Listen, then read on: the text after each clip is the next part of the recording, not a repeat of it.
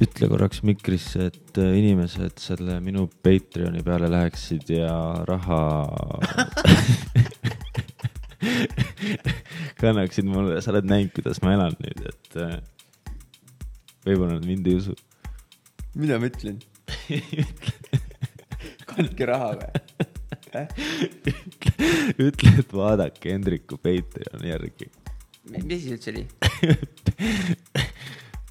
Patreon, Pat-, Patreon, Patreon, Patreon, Patreon jah, Patreon, ja, Patreon. ja. teeme ära. ütle lihtsalt, tee nagu kõll, noh. ütle korraks mikrisse, et äh, inimesed selle minu Patreoni peale läheksid ja raha kannaksid mulle, sa oled näinud, kuidas ma elan nüüd, et äh, võib-olla nad mind ei usu. mida ma ütlen kandke raha või? ütle, et vaadake Hendriku Patreoni järgi. mis asi üldse oli? Patreon, Pat-, Patreon, Patreon, Patreon, Patreon jah, Patreon, ja, Patreon. ja. teeme ära. ütle lihtsalt, tee nagu kõll, noh. Väike teadaanne.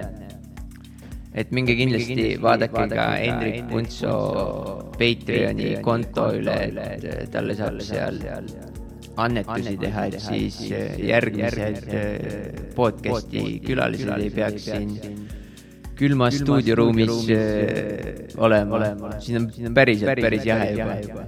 ja, ja ilmselt ilmad ei lähe soojemaks, et lähevad pigem, pigem külmemaks, et äh, vaadake korra üle ja võib-olla kellelgi leidub mõni euro Hendriku jaoks. üks, kaks, üks, kaks. sa lõikad ka seda pärast või? ütle sina ka midagi.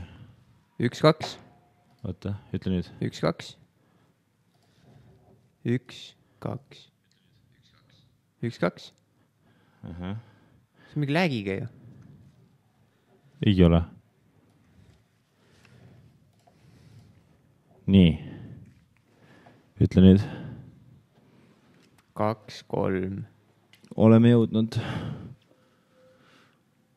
oleme jõudnud stuudiosse Rigo Räimega. kuidas sulle see Tallinna pakett meeldinud on siis? emotsionaalne. Jah, me täna käisime siis vaatamas Flora mängu, mis see oli, Partisan või? FK Partisan. Serbiast. Serbiast, Serbia teine klubi siis, eelarve kakskümmend üks miljonit peaks olema Vikipeedia andmetel. ja Flora karistas ära siis üks-null, esimese poole lõpus löödi äh, magusmahlane värav, peaga siis ilus värav nagu, nagu Fifas, noh. Jah, ja poisid hoidsid seda ilusti lõpuni. et äh, väga meeliülendav äh, kogemus oli ja et siin shout out minu vanale kursavennale Mihkel Kotkasele, kes neid pileteid provide ib, et äh, mul on praegusel ajal väga oluline, et ma saan ikkagi noh, seal VIPis saab sooja süüa ja värki-särki, õllet lubada isegi, et noh, töötuna inimesena on hästi vajalik. Kuule, makroonid olid isegi. ja ei no ongi, see on, vot see ongi see, et no jalkas on ikka teine raha, noh. kuskil Eesti rattavõistlustel, no parim on see, et sa saad ise osta kolme euro eest neid äh, soolaleibu no vahest saab mingit suppi või midagi ikka antakse. no sa räägid praegu sellest jah, et kui sa oled ostnud ise endale selle mingi stardipaketi ja siis seal sees on. Selles mõttes on nagu jalkast ikka. no ütleme jah, see oli nagu meie jaoks ta oli nagu rahata pakett, et. jah, jah, ja ei, siin pealinnas ikka elu käib, vaata. käib muidugi jah. täna väga palju staare ma ei näinudki, aga eelmine kord olid jah, Ott Lepland. kuidas ei olnud? Tallinna linnamajanduse või linnaplaneerimise osakonna juhataja oli seal jah, noh, nipet-näpet ikka leidus, aga, aga midagi nii hullu ei olnud, aga no Tallinnas on ikka elu on ikka teine, noh. oled sa nõus minuga või? no teine on kindlasti jah. aga kas ta just parem on, jah, seda ma ei oska öelda. et sa oled nüüd Saaremaal tagasi oma rännakutega. jaa.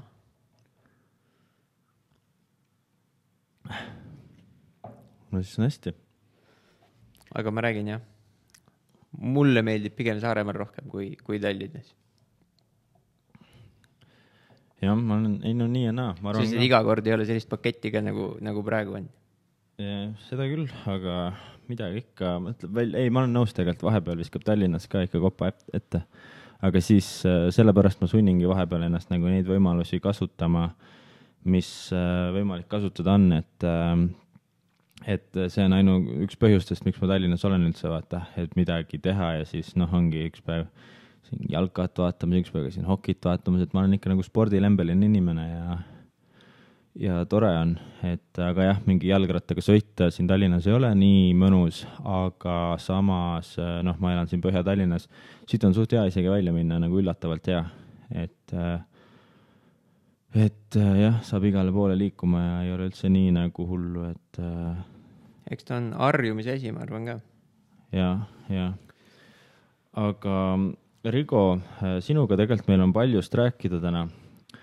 noh, just nagu noh, selles mõttes, et meil on nagu pikk ajalugu ja me oleme nagu mitmetesse seiklustesse koos sattunud. meil oleks, meil oleks veel rohkem rääkida, kui me poleks kaks viimast õhtut juba koos olnud. Jah, selles, see on küll jama jah, et me rääkisime põhimõtteliselt kõik oma jutud ära, aga ma võtan need mõned huvitavad lõigud ikkagi ülesse siit, et mis võtta on. aga Rigo jah, on mulle nagu suure venna eest olnud siin äh, juba sellest ajast saadik, kui ma Saaremaa jalgratturite klubiga Viking äh, ühinesin, jah, ja siis äh, Saaremaal saime kõvasti pulli ja, ja siis läksid eluteed edasi, et meie, meie läksime siis sealt oma gängiga sinna spordikooli ära sul ei ole niisugust podcast'i veel olnud, kus Oigist ei, ei peaks rääkima? ja, aga see on elu osa, minu elu osa. ja, ma läksin, me läksime sinna ära, aga sina ei läinud, nii et me ei pea sellest rääkima. sina, mis, mis sa tegid äh, siis, kui Saaremaalt kõik kaastalendid ära kadusid? ma ei mäletagi, kuna te läksite kooli. Kaks tuhat üheksa lõpp või kümme? üheksa vist, jah üheksa september. Mm, kaks tuhat, kaks tuhat üheksa, kaks tuhat üheksa ma vist olin ikkagi Saaremaal veel, kaks tuhat kaheksa ma olin Iisraelis pool aastat. aa, siis hakkas juba pihta või? jah, aga siis ma olin aasta vahepeal kodus. see oli enne seda, kui rattasport Iisraelis popiks sai juba? Ja kindlasti siis, võib-olla ta oli populaarne, aga selles mõttes, et seal ei olnud jah no,. kui sa võtad, kus see asi nagu täna on jõudnud seal, siis siis selline ta ei olnud, jah.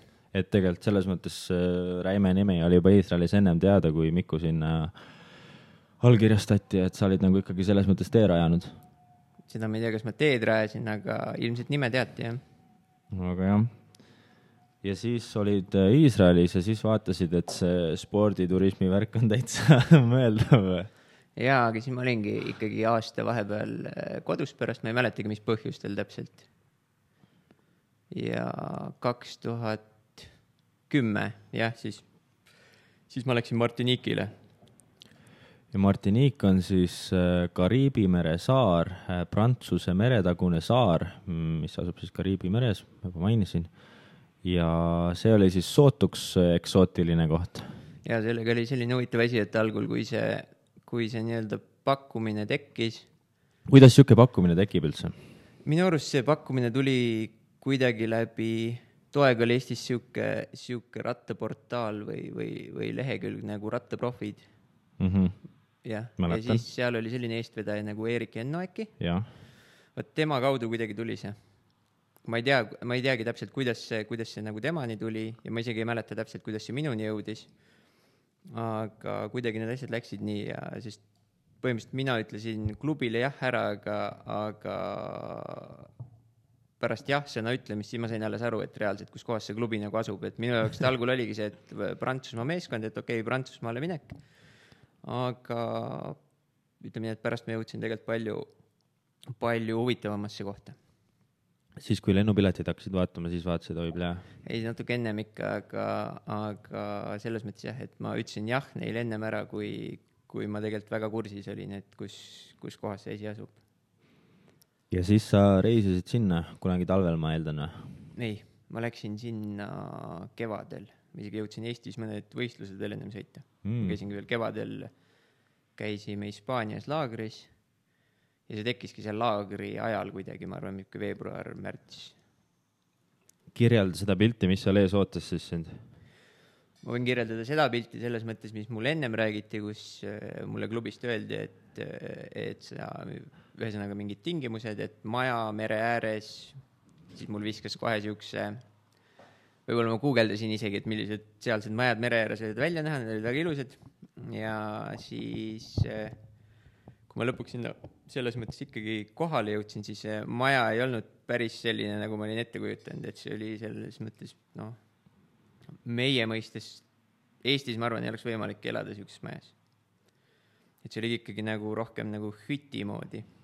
ja see maja oligi veel nagu pooleks, et pool oli siis nii-öelda minu eluruum ja teisel pool käisid kalamehed kalasi puhastamas, mis nad olid hommikul püüdnud merest ja et see oli siuke nagu, see oli selline päris tugev kalapoe lõhn oli üleval kogu aeg. kalakas. nojah, ühesõnaga etteruttavalt võib mainida seda, et äh, mina läksin ka sinna siis äh, kaks aastat hiljem või, või kui palju hiljem mina tulin. ja sest oligi nii, et esimene aasta ma olin, olingi täiesti üksinda uh. ja esimene aasta, kui ma olin seal, siis see oligi, see oli nagu, ma arvan, et mul ei olegi pärast seda aastat siukseid momente olnud elus, et mul ei olnud internetti seal, mul ei olnud nagu mitte midagi seal. Et ma jah, lugesingi raamatuid ja tegin kõike, kõike siukseid asju, käisin trennis ja, ja see oli nagu jah, selles mõttes üsna, üsna sihuke üksik elu. teine aasta tuli Jörgen Mats sinna, -huh. õnnestus selles mõttes rääkida ta ja siis kolmas aasta oli see, kui siis sina ka veel tulid nagu lisaks. ja meie klubi koosseis põhimõtteliselt kolmas hooaeg oligi selline, et meil oli klubis kolm eestlast ja üks venelane Hmm. ja kohalikke vist ju ei olnud meil väga. Villi tegi midagi või, mis teema sellega oli? üks prantsuse jah, kohalik, selles mõttes ta jah, ta mingid sõidud tegi, aga ütleme, et sihuke põhituumik või kes nagu kogu aeg oli olemas, olidki siis ütleme ikka toores idablokk seal. ja, ja, ja veel saarlased, kolm saarlast ja venelane. oli küll jah, aga jah, kusjuures ma ei mäletagi väga seda aega, kui sina Jörgsiga seal olid. Võib-olla midagi tegelikult jah, mingid pildid no, see- oli, Jörgen oli seal, põhimõtteliselt oligi Oigi nii-öelda kõrvalt seal, et ta käis koolis veel siis. noh, aga mul oli sama asi viimane aasta, aa, sul oli ka niimoodi? jah, jah, sest me ei olnud samas. ma ei mäleta, ma ei mäleta, et sa oleks koolitükke teinud seal. no vot, ma olin, ma olin selles mõttes, mul oli räägitud klassiõdede asjadega, nemad tegid minu eest asju väga osav. mm.. aga jah, ja siis me olimegi lõpuks äh, kolmas aasta seal välja. Ja ega elu suures plaanis ju ei muutunud seal võrreldes sellega, mis sul alguses oli, noh, internetti saime, onju. ja aga noh, see oli ju ka selles mõttes, et jah, ta oli nagu olemas, aga kusjuures ma ütlen, et kõike, minu arust neid siukseid olmeprobleeme tekkis meil nagu aja jooksul järjest juurde seal, esimene aasta mul jälle neid asju ei olnud, seda, kus ma oleks pidanud ilma elektri ja konditsioneerita olema seal või kus mul ei oleks vett enam olnud või ja sest meil oli sihuke lugu ükskord, et ähm, äh, elekter läks ära ja noh, muidu ei oleks elekter, elektri äraminek väga suur probleem, aga seal ongi see, et kuna väljas on reaalselt nagu nelikümmend kraadi päeval ja öösel on ka suhteliselt, noh, öösel on ikka nii palav, et äh, magada on rõve, onju. ja siis oligi, et äh, meil ei olnud enam äh, konditsioneeri, mis tähendas seda, et me olime neljakesi seal kuskil toas lihtsalt, noh, nagu mingi kasarmu elu oli seal, selles mõttes ru- ruumi oli ka ikka väga vähe, kõik tahtsime seal konditsioneeriga toas olla, ainult üks tuba oli konditsioneeriga. jah, ja siis äh, kuidagi, ma mäletan, seal oli see case, et me kuidagi saime laenatud äh, elektrit naabrilt, onju. tegelikult selle elektriga vist oligi see teema, et see ei olnud lihtsalt, et elektrit ei oleks olnud, vaid vist klubi nii-öelda juhtkond oli jätnud elektriarvet juba pikalt maksmata ja see elekter lihtsalt võeti ära meie majast. jah, ja siis äh, ühesõnaga elektrit ei olnud, aga me laenasime seda ikkagi nagu na- pikend-, pikendusjuhtmega. mäe, mäe otsast naabri käest tõime ja aga seal oli see aga, et naaber ütles, et köögi muu jaoks võite kasutada seda elektrit, aga mitte konditsioneeri jaoks, eks just, aga meil oli seda vaja ainult konditsioneeri jaoks Jah. tegelikult. mis oli väga kummaline olukord.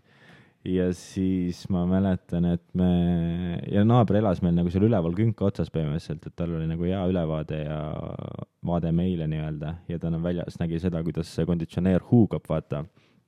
aga siis oligi sihuke seis ju, et äh, me ei saa, ühesõnaga mul oli pohhu jah, ma ütlesin, et ärme pane seda sisse, vaata, et äh, ärme anna oma seda viimastki natukest ära, et meil on net siis vähemalt päeval, vaata ja siis ma ei mäleta, mis sina olid, aga Jörgs oli nagu seal, seal, et pane, noh, ma ei saa magada, kui konditsioneeri ei ole, et paneme sisse, riskime, vaata, ootame natuke no,. ma arvan, et see oli ikkagi selles mõttes, ma arvan, et ma olin pigem Jörgsi poolel, ma eeldan, et see oli selline demokraatlik otsus seal, et ilmselt enamus ikkagi tahtis, et see sisse pandaks ja siis see pandi sisse. siis pandi sisse ja mis juhtus siis, see võeti välja ja me olime. tõmmati nii... suht sekundiga välja ja siis ma mõtlesin, türa, meil ei ole netti ka homme aga ma ei mäletagi, kuidas see lahenduse sai nagu?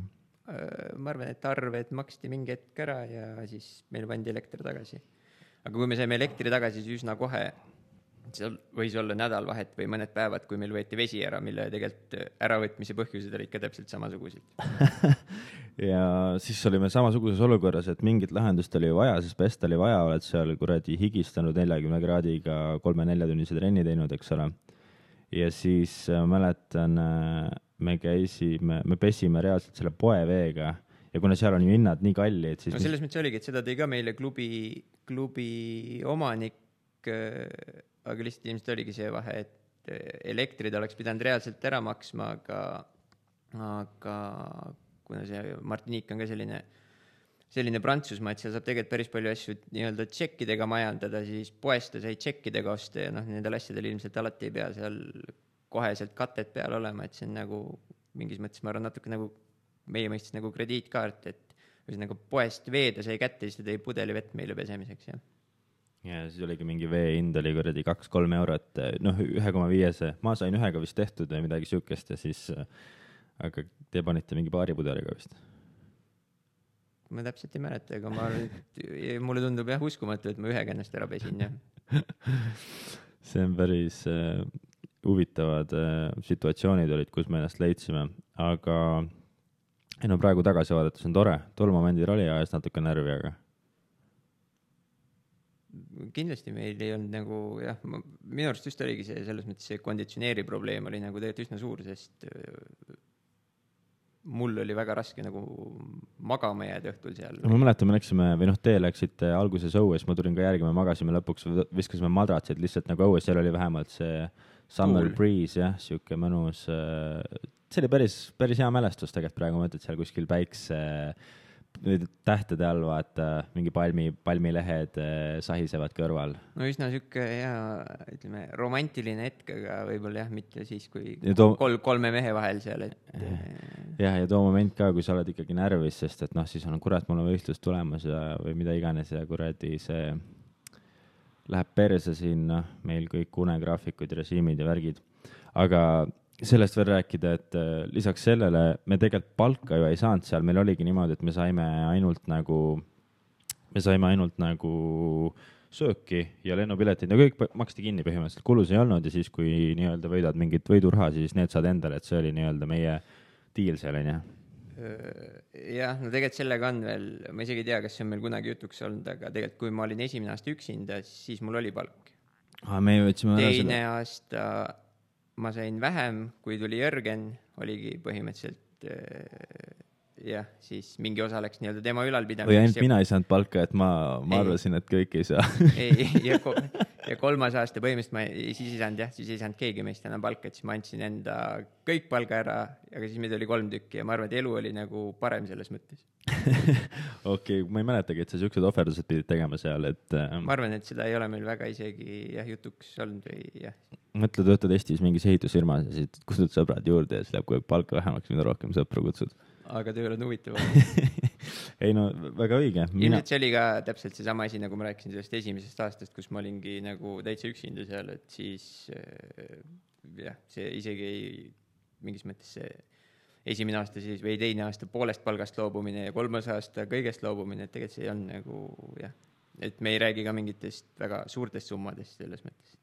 jaa, aga ei, see elu oli huvitav seal ikkagi selles mõttes ka, et äh, no siis me käisimegi nagu selle klubi bossuga. Patrick Bisson oli ta nimi, käisimegi niimoodi, et iga paari nädala tagant või umbes niimoodi käisime poes, vaata kolmekesi. ja siis olimegi nagu mingid lapsed lihtsalt toidu kärv, käru välja ja siis panime kõiki asju sinna korvi nii palju, kuidas käed käisid põhimõtteliselt, noh. See oli jah, täpselt nii, nagu sa läheksid, nojah, nagu sa olekski väike poiss, käid emaga poes, et siis kuigi emaga on ilmselt see, et kui, kui siis keelatakse vähemalt midagi, seal meil ei keelatud ka otseselt, et seal ikka võisime tegelikult kõike osta. see oli päris huvitav jah, panime küppareid ja asju, aga oligi, et me noh, laod selle kuradi korvi täis nii palju, kui saad, aga siis võtad enam-vähem kätte ka veel nii palju asju, kui saad ja siis juba pidi vaikselt otsad kokku tõmbama.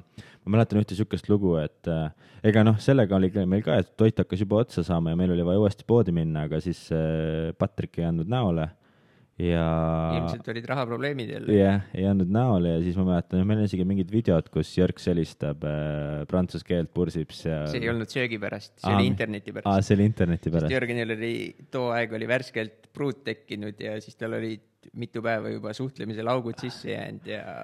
aa, vot ma muretsesin selle söögi pärast rohkem, sest mul on selline naljakas lugu meeles, sul on meeles see, et ma, ma hakkasin ka seal prantsuse keelt vaikselt õppima, eks ole, et noh, et saaks nagu midagi suhelda või asja. ja siis me olime üks päev trennis ja juhuslikult äh, Patrick Bisson tuleb vastu oma, minu arust oli tal see peso pirukas onju. Jääme seisma ja räägime ja siis ma ütlen talle enam-vähem, et ma ei mäleta, kas ma ütlesin shop või butiik ja ma tahtsin öelda nagu täna aga ma ütlesin enchanté ja siis ma ütlesingi enchanté, enchanté, enchanté, mis tähendab tegelikult äh, prantsuse keeles nagu väga meeldiv tutvuda, eks ole, aga Aujourd'hui on täna tegelikult, ma ajasin need kaks sõna omavahel segadusse, mõtle kui naljakas oli tal. Ja ma olen nagu mul nagu enchanté, nagu et kas täna lähme vaata, et küsime enchanté, enchanté ja ma mäletan, ta nägu oli ka nagu siuke, mis, mis asja, mida sa tahad? No tal võis olla jah väike, väike hämming nagu selles mõttes selles olukorras. aga ta oli ka väga, tegelikult ju väga jah, selles mõttes sihuke ka huvitav inimene. ta oli selles mõttes klubi nagu nii-öelda president meil, aga ta päris või päevane töö, ta tegeles ju, oli mingi hobuste võiduajamisega seotud, panustamisega ühesõnaga. ta töötas selles äris kuidagi. kusjuures ma ei mäleta seda ka jälle. põhimõtteliselt, mis Prantsusmaal on see BMU või? kes on Tour de France'il, oli mingi aeg rohelise särgi sponsor mm. -hmm, mm -hmm. vot selles, selles ettevõttes, ühesõnaga ta jah okay., tegeles ho hobuste võiduajamisega. no põnev, aga siis see neljas aasta tuli venelane. kolmas aasta. kolmas aasta, sorry, ja. venelane oli tegelikult esimene aasta, kui ma olin, siis ta ka korraks tuli, aga ta pidigi tulema põhimõtteliselt seda nii-öelda siis kõige, kõige tähtsamat võidusõitu seal sõitma, aga tal tekkisid mingid äh, probleemid seal enne võistlust, nõnda et ta reaalselt oli seal, aga teda ei lubatud võistlema. mina olin venelast ennem näinud juba. Okei okay,, kas sa siis, mis probleemid seal tekkida võisid? Äh, arstlikus kontrollis tekkisid mingid probleemid. teisel, esimesel aastal. esimesel aastal, okei okay, mm, -hmm. et sa mhm. korraks nägid teda, aga te põhimõtteliselt ei teinud midagi koos nagu isegi? me elasime koos ja selles mõttes. aga ta nagu treenis seal mingi aja siis ka, jah? ta oli seal, jah mm, -hmm. aga ta võistelda ei, ei saanud okay.. siis ta läks, põhimõtteliselt jõudis sinna, mäletan, et üks õhtu jõudis, siis ta läks järgmine hommik tervisetesti tegema. ja sealt, mina ei tea, mis need, mis need tulemused seal täpselt olid või mis need põhjused olid, aga ühesõnaga nende asjade põhjal ma ei tea, kas see oli tervisetest või dopingukontroll või mis iganes see oli, aga teda ei lubatud võistlema mm. -hmm, siis oligi mm -hmm. jah, teine aasta ta ei olnud seal ja siis kolmas aasta ta tekkis jälle uuesti kuidagi, nii-öelda mm. -hmm.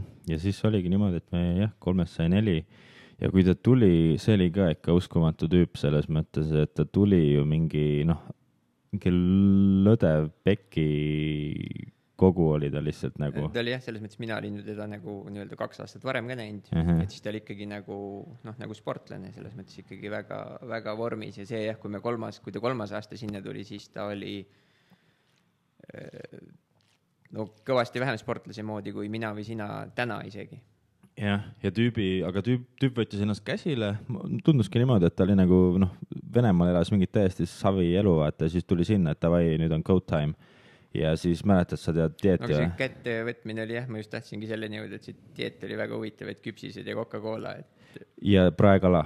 ja praekala, jah. jah, jah, jah. ja oligi üks kaheliitrine Coca läks põhimõtteliselt päevas su-, suhkruga, mitte nagu Coca-Free, see oli ka hästi huvitav nagu, ja ikka suhkruga ja küpsised olid, see oli nagu hommikusöök tavaliselt, okei jah, küpsiseid sõi ka. okay., aga muud ei söönudki ja siis peale trenni ka ilmselt, no kokat läks nagu päeva, päeva lõikes nagu kogu aeg, ma arvan. jaa, aga siis oli jah, kas mingi kala või midagi ja üks, üks toidukord päevas oli nagu maks ja vahest oligi, et ta ei söönud nagu üldse põhimõtteliselt, et see oli ikka väga rohkem jah, selles mõttes äh, tarbis siis äh, vedeliku kujul mingit, mingit energiat. mm.. aga ei, vaikselt ikka kukkus maha poisil niimoodi, sest et seal, ei noh, seal ongi nii palav on ja värki-särki ja kui sa noh, ta noh, ta ikka jäi selgelt miinusesse, et okei okay,, isegi kui sa lased seda kaheliitrist kokat ja värki, siis ikkagi ta nagu noh, ikka näljutas ennast seal päris korralikult, et mingi tervislik asi see ei tundunud, see oli selles kaalulangetusmeetod. mõttes pigem jah, üsna ekstreemne ikkagi Mm. võrreldes ka nende nii-öelda siis nende mahtude või selle tegevuse juures, mis me tegime seal, et me sõitsime tegelikult ju too aeg üsna palju seal ratastega aga tegelikult. kusjuures me väga palju temaga koos ei käinudki trennis ju, vahest ikka, aga vahest ikka, aga noh, minu arust ta tegigi meist pikemalt alati veel, oli või? jah. Ta oli mingis mõttes jah, selles mõttes isegi, isegi niimoodi, nagu ta oli, oli ta tegelikult meist nagu klass kõrgemal kindlasti isegi too aeg ülekaalulisem. ta oli tegelikult Aga ikkagi nagu tugev. minu arust oli küll see, et ta ei olnud midagi erilist siis, sest et või no mitte, mitte midagi erilist, aga kui me käisime, kas see oli siis, kui me käisime Guadalupis ka sõitmas või? see oli siis, see oli, see oli enne seda, Martinique'i tuuri aeg oli teine aeg, kui me sinna läksime, onju. jah, aga Guadalupe'i, no tema jaoks oligi selles mõttes see kõik see hooaja esimene pool, mis me olime seal, kui ta oli nii-öelda ülekaaluline, siis tema eesmärk ju tegelikult ei olnudki kuskil noh, ta käiski võistlustel, aga ta ei käinud seal tegelikult nagu tulemuse pärast üldse, et ta, ma arvan, et ta ei oleks võinud too aeg juba tegelikult võistlustel ka palju paremini sõita, kui ta sõitis ja Guadalupe'i ta tuli ainult sellepärast, ta ju reaalselt tuligi meid äh, aitama nii-öelda. Mm. Et tal ei olnudki endal nagu, nagu tulemuse mõttes mitte mingit ambitsiooni too moment. ta ilmselt tahtiski ennast lihtsalt nagu üles töötada. ja, ja, ei jah, ja siis aga noh, selle juurde ma tahtsingi jõuda, et minu arust ta siis too moment ei olnud üldse väga midagi erilist, oli veel suhteliselt mitte nagu noh, ei tea, kas mitte sportlik on nagu õige öelda, ta oli ikkagi jah, nagu jah, meiega ikka võrreldav kindlasti. et äh, aga jah, ma mäletangi, et seal võistlustel me ikka panime talle ära või noh, et võib-olla ei võtnudki nii tõsiselt seda siis. ma arvangi, et me panime talle lihtsalt sellepärast ära, et ta ei, tal ei olnudki plaan nagu meile ära panna või tal ei olnudki plaan mingit, mingeid kohti saada, et see, see ei olnud nagu tema eesmärk too aeg. aga siis meil tuli jah, väike see paus nii-öelda või me käisime, läksime, meie läksime Eestisse, ta läks vist ka Venemaale korraks, eks ole Nižni Novgorodi. ja siis ähm, tulime tagasi, millal see juulis oli siis see Tour of Martinique või Tour de Martinique. jah, ta on tavaliselt juuli alguses suht, jah, hakkab peale, sihuke kümme, kümme, kümme päeva, üheksa päeva. tulime natuke varem kohale ja siis tuli tema ka tagasi ja Venemaal oli nagu treeningkuur jätkunud ja ma mäletan seda trenni, kui ma läksin temaga siis vahetult enne, ta tuli suht ka mingi paar päeva enne võistlust minu arust alles. tuli, ta tuli meist hiljem äkki või? jah, jah Jah., et me olime juba seal ja siis äh, läksin, mina sattusin kuidagi kahekesi temaga koos trenni ja Martinique'il on nagu siuksed toored äh, kuradi seinad igal pool põhimõtteliselt nagu, et äh, seal ei olegi siledat nagu, et isegi kerge trenn on raske selles mõttes. ja siis mul endal oli ka oma arust oli suht täitsa okei minek, aga no türa, see vend pani lihtsalt mingi viieteist, kaheksateist, üheksateist kraadise tõusu peal sama hooga edasi kahekümne viie, kolmekümnega ja ma lihtsalt ei, hambad ristis ka ei suutnud nagu taga istuda, siis ma vaatasin, et mine pekki, mis vend see on nagu, et ja et ta meie tiimis on, et siis saame äh, võib-olla aidata tal suuri asju teha Martinique'i tuuri ajal. siis oli enam-vähem töö teada meil, jah, kui sa nägid nagu, mis seisus ta jah, tagasi jõudes sinna on. jah, ja siis oligi see, et äh, me hakkasime, jah, hakkas tuur pihta ja ma ei mäleta isegi midagi, ma, ma, mul ei ole endal nagu ühtegi väga selget mälestust peale seda, et hakkas ju algusest peale, kas, ma ei tea, ta pani etappe ka seal kindlasti, eks ole või? paar raskemat või? kaks etappi võitis vist ainult tegelikult. aa, okei okay.. ja aga ühesõnaga ta oli kohe seal äh, general classification'i eesmängus ja tal oli hästi tihti riigi, liidrisärk kusjuures esimene etapp ei olnud, minu arust esimene etapp olid sida meist kõige ees. olid nii-öelda liider meil peale esimest etappi, kusjuures seda ma absoluutselt ei mäleta võiks vaadata neid tulemusi kunagi kuskilt jah. ja siis äh,, ja siis, aga noh, ma mäletan ainult seda, et meil sai suht kiiresti selge, või noh, meie sõit oli tavaliselt selline, et äh, kes kauem nagu jaksab tööd teha ja vahest seal ainult mingi kolmkümmend kilomeetrit, et sa jaksad üldse seal mängus sees olla ja siis sa oled juba kadunud eest nagu, et. jah, aga minu arust me ikkagi jah, kui sa nüüd tuuri nagu tervet tuuri vaatad, siis meil oli alati nõnda, et kellelgi oli nagu kehvem päev meist kolmest. Mm., aga keegi jaksas alati nagu rohkem olla.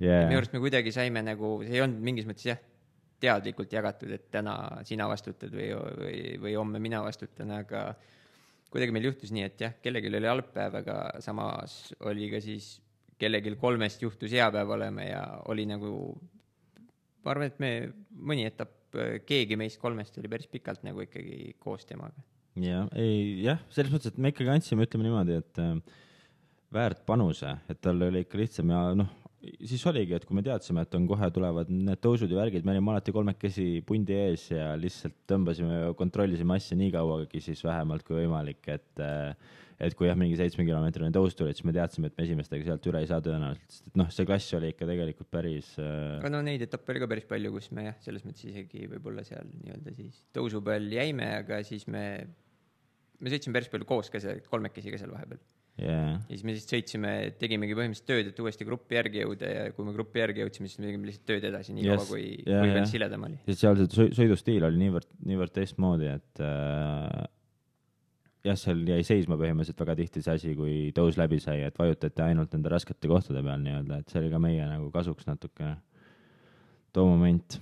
aga jah, mida tuur edasi, siis hakkaski tunduma, et oh, et äh, poisil saab asi purki ja viimasele etapile me läksimegi peale niimoodi, et, äh, et äh, siin on põhimõtteliselt olemas või? ma ei mäleta tegelikult, kui pingeline see oli või mis vahed seal olid, aga. no tegelikult oli ma arvan, et vahed olid juba suht, suht okeid ikka, et selles mõttes oli kindel, et temal oleks pidanud reaalselt juhtuma midagi. et, et ta ei oleks võitnud tuuri, et seal oleks pidanud midagi väga nihu minema mm..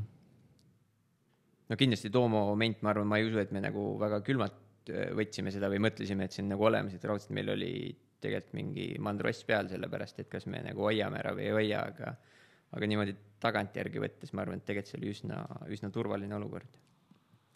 jaa ja tuur sai purki pandud ja väga, väga tore tunne oli, et noh, me olime ka ikkagi osa nagu võidust ja kõik läks nagu plaanipäraselt ja sihuke lahe ikka noh, ja siis äh, ja siis ma ei tea, kas see oli mingi järgmine päev või paar päeva peale seda, kui tuur läbi oli, me läksime ühe selle sõbra juurde õhtust sööma. ja see oligi tuuri, see oligi seesama tuuri lõpuõhtu põhimõtteliselt sama õhtu või? minu arust ei olnud. või oli õhtu hiljem? minu arust jah, oli õhtu hiljem, sellepärast et äh, see tuuri õhtu me tegime midagi muud, me kuskil tšillisime mingis hoovis või mingi, ma isegi ei mäleta. väga võimalik. jah, ühesõnaga jah, ja läksime sinna seda õhtust sööma. Ja siis mingi belglane oli, kes meid kutsus, mingi fänn või ma ei tea isegi, kus me seda tüüpi teadsime, ta kuskil võistlustel tuli rääkima meie juurde tõenäoliselt ja see on see tüüp, kes tuuri ajal oli raja ääres ja vahepeal hüüdis, et uh, go, go, go, you are the best team in the world. Ah,. ja, ja, ja siis äh, ja me olimegi too moment või nii see tundus. Ja siis äh, jõime seal õlut ja rahulikult saime õhtu, õhtusööki kõik oli nagu mõnus hästi. ja siis, mis siis juhtus? ma ei mäletagi, seal läks, tegelikult minu arust läks seal selle selle belglase ja venelase vahel tekkis nagu mingi väike sihuke, nad rääkisid midagi, seal tekkis nagu mingi väike konflikt ja siis toimus äh, venelasel täielik murdumine, kus ta tormas toast välja ja hakkas nutma ja ma ei saa mitte midagi aru, ma ei saa nagu, ma ei saanud isegi sellest aru, et mingi konflikt oleks olnud, minul oli see täiesti ebaloogiline olukord nagu, et mis pigem seal oligi, ma räägingi, et seal oli ilmselt mingi, mingi väike asi, aga venelasel nagu toimus väga suur äh, murdumine seal, et ta mm. hakkaski, hakkaski lihtsalt, äh, ta hakkaski toorelt nutma ja tormas toast välja ja ja mis siis, äh, sina läksid talle järgi ja mis mina, mina muidugi järgnesin talle. ja mis siis sai, mis ta ütles sulle? Ta ütles mulle, et ta murdus sellepärast, et oli tegelikult ennem tuurile tulekut, seal tekkis tegelikult, ja ma natuke ikkagi lähen korra veel tagasi, et ma arvan, et seal tekkis nende, see oli ka vist seotud natuke nende auhinnarahadega. Et minu arust see belglane oli ka kuidagi seal midagi seletas ja põhimõtteliselt oligi vist niisugune teema, et me ei saa neid auhinnarahasid veel kohe kätte, et et need hiljem kantakse meile, et me läheme kõik ilusti koju ära ja siis pärast tuleb raha. mm. -hmm. aga see võiski olla see asi, mis venelase nagu endast välja viis. et siis tal lõid häirekellad põlema. ühesõnaga, mis, mis ta siis ütles mulle, et eh, põhimõtteliselt seal õues, et eh, tegelikult eh, me peaks selle raha kiiresti kätte saama, sest et ma tegin Venemaal tegelikult väikse EPPO kuuri, et kui me nagu kauem ootame, et tegelikult siis me ei pruugi seda raha saada ja mis mulle tegelikult nagu jah, ma ei ütle, et see nagu midagi head, aga mis mulle tegelikult meeldis, siis ta ütleski, et ega mul enda pärast ei olegi, aga siis jääte teie oma rahast ilma. et ja, ja ei, sellega sellepärast ta murduski jah, et me olime nagu rämedalt tööd teinud ja vaeva näinud, vaata siis tal tunduski see, aga jah, me, me ei näinud seda mitte kuskilt tulemas, et äh, me mõtlesime, et ta on lihtsalt kõva vend, vaata, et ta jaksab lihtsalt ratast sõita nii hästi ja ongi sihuke ürgtalent või noh, ma ei tea, ürgtalent, ega see nii suur tase ka seal ei ole, eks ole. no aga ta oli tugev, sest tegelikult ju juba too moment, kui me olime seal Martiniquil, siis tal oli tegelikult ju kirjutatud leping alla Rusvelo tiimiga Mm. mis oli too moment ju pro-kont tiim, no täna on ka, et eh, ja kuhu ta isegi läks pärast sõitma, selles mõttes pärast isegi seda oma ülestunnistust eh, mulle, Mm. et eh, ja ta üsna detailselt kirjeldas neid protseduure isegi, mis ja kuidas see täpselt Venemaal käib ja kuidas, kus neid asju saada ja kuidas mida teha. Aga ma mäletan, kakssada eurot oli vist, ta ütles, et kuuri hind oli, ma mäletan, kui me küsisime. seal oligi kõik kuidagi selles mõttes äh, noh, nagu meil Bolt, et sul tuleb inimene, kuller toob asjad ukse taha ja, ja siis sa põhimõtteliselt tellid kuskilt, sulle tuuakse ukse taha ja siis kodus toimetad, et sa ei pea isegi minema kuskile. ja mingi sihuke jutt oli ka, mis ta rääkis, et äh, niimoodi või kuidas ta tegi neid dopinguproovid olid, vaata, eks ole, ta suht iga päev oli seal ikka suhteliselt hästi kontrollitud asi seal ja iga päev või mis ta ütles, et kuses läbi mingi marliriide või? tal oli taskus jah, sihuke marli, marlilapp väidetavalt siis, mis oli beebiõliga läbi immutatud ja siis nii-öelda sinna, sa panid selle, selle lapi sinna kusetopsi peale ja siis põhimõtteliselt jah, kusid läbi selle nagu. jaa, ei no. et see oleks pidanud töötama, aga jah, sinna me ei ole veel tegelikult jõudnud, aga jah, mingi moment tuli ka reaalselt teade sellest positiivsest eh, proovist siis tegelikult, et eh, et ühesõnaga see ei töötanud, nii et kui keegi tahab proovida, siis see meetod ei tööta. jah, aga jah, meil oli ka see siis, et me saime teada, et okei okay,, nüüd on mingi mina vist sihuke eile rääkisin jah, ma arvan, järgmine päev, sest ma olin ise ka tegelikult natuke traumeeritud sellest. ja, ja oli vist jah, et me, ma ei, ma ei saanud midagi aru, seesama õhtu igastahes jah. ja siis, kui me teada saime, siis oli endal ka, et oi plee, et äh, viissada eurot oli, ma mäletan, per face saime raha sealt või midagi siukest ja noh, tol momendil ilma palgata mehed nagu kurat, see viissada eurot, see kulus igati marjaks ära noh. ja siis äh, me mõtlesimegi, nojah, ei noh, on mis on, onju loodame siis, et me saame lennuki peale ära vähemalt, et korraks oli meil vähemalt see hirm, et kurat, äkki väänatakse meid ka maha seal kuskil äh, no et selles mõttes on ikkagi Prantsusmaa, et seal, seal võib sul reaalselt jah tulla põhimõtteliselt ma ei tea, politsei reid majja või noh, meil ei oleks midagi, ega meil ei oleks midagi karta olnud, aga mm. see oleks nagu ebameeldiv ikka olnud. mm.. Ja siis äh, jah, saime minema, aga me saime enda raha ka kätte. ja see toodi meile siukestes äh, viie, viie eurostes kupüürides, ma mäletan, klubi omanik äh, tõi selle venelase kätte, kes siis jagas äh, mingi osa meile sealt ja Hmm, kus see, okei okay.. ja siis me läksime minema ja ma ei mäleta, mitu kuud hiljem või millal see välja tuli, see ei tulnud väga kiirelt välja, kui me ei, nägime see ei tulnudki väga, väga ruttu välja selles mõttes, et ta, ta läkski ju veel, ta läkski Venemaale tagasi, siis ta Mhm. sõitiski selles Rusvelo meeskonnas täitsa, ta käis võistlustel nendega. Mm -hmm. ta oligi nagu elukutseline too moment, et ja siis tuli see uudis jah. aga jah, ei selles mõttes positiivne, et see uudis tuli. muidu me olekski arvanud, et türa perses on ju, et äh, panedki, panedki EPO-t ja ei jäägi vahele ja. panedki EPO-t ja jah, ostad marlit ja beebiõli ja töötab. jah, aga ei tööta, aga et, et, et siit siis see õppetund, mille meie kätte saime, aga jah, ja, ja direktor. kusjuures ennem kui tuli, tuli see positiivne, ta jõudis tegelikult ka Venemaal juba anda teise positiivse, mingi Venemaa võistlustel. nõnda, et ta on tänaseks eluaegse võistluskeelu all, okay, mida juhtub tegelikult harva. tavaliselt saavad ikka kahe aasta kaupa. aga Jaa. temal on, temal on tänaseks jah, reaalselt eluaegne, eluaegne võistluskeeld. nagu Lance Armstrongil. sama, samaväärne vend. nojah, aga siis sealt me saime tulema ja, saime oma viissada eurot kätte igaüks. jah, ja peale seda me vist tagasi ei läinudki sinna kunagi või? ei, Martinique meil ei läinud. see ongi, see oligi viimane kord, kui ma Martiniki, jah, sest et peale seda läks natuke, sest et ma arvan, et keegi ikka arvas, et me oleme samas pundis, vaata, et. ei no kindlasti jah, selles mõttes Jaa. nende jaoks ma arvan, et me oleme, võib-olla meie oleme ka nagu pigem nagu venelased ja Jaa. noh, eks nad vaatasid meid nagu ühte rahvast. just, et ega, ega selles mõttes oleks ebameeldiv olnud tagasi minna, et äh, oleks seda mingit negatiivset tähelepanu natuke liiga palju. aga siis me tulime tagasi ja see oligi siis kaks tuhat kaksteist, eks ole, jah. mul sai kool läbi värki-särki ja me olimegi vist põhimõtteliselt oma peas selle Martiniki maha kandnud, sest et see nagu, me ei võtnud seda väga variandina ja siit ei olnud ka nagu, me jah, mina pigem ei tahtnud enam neljas aasta minna sinna uh. -huh.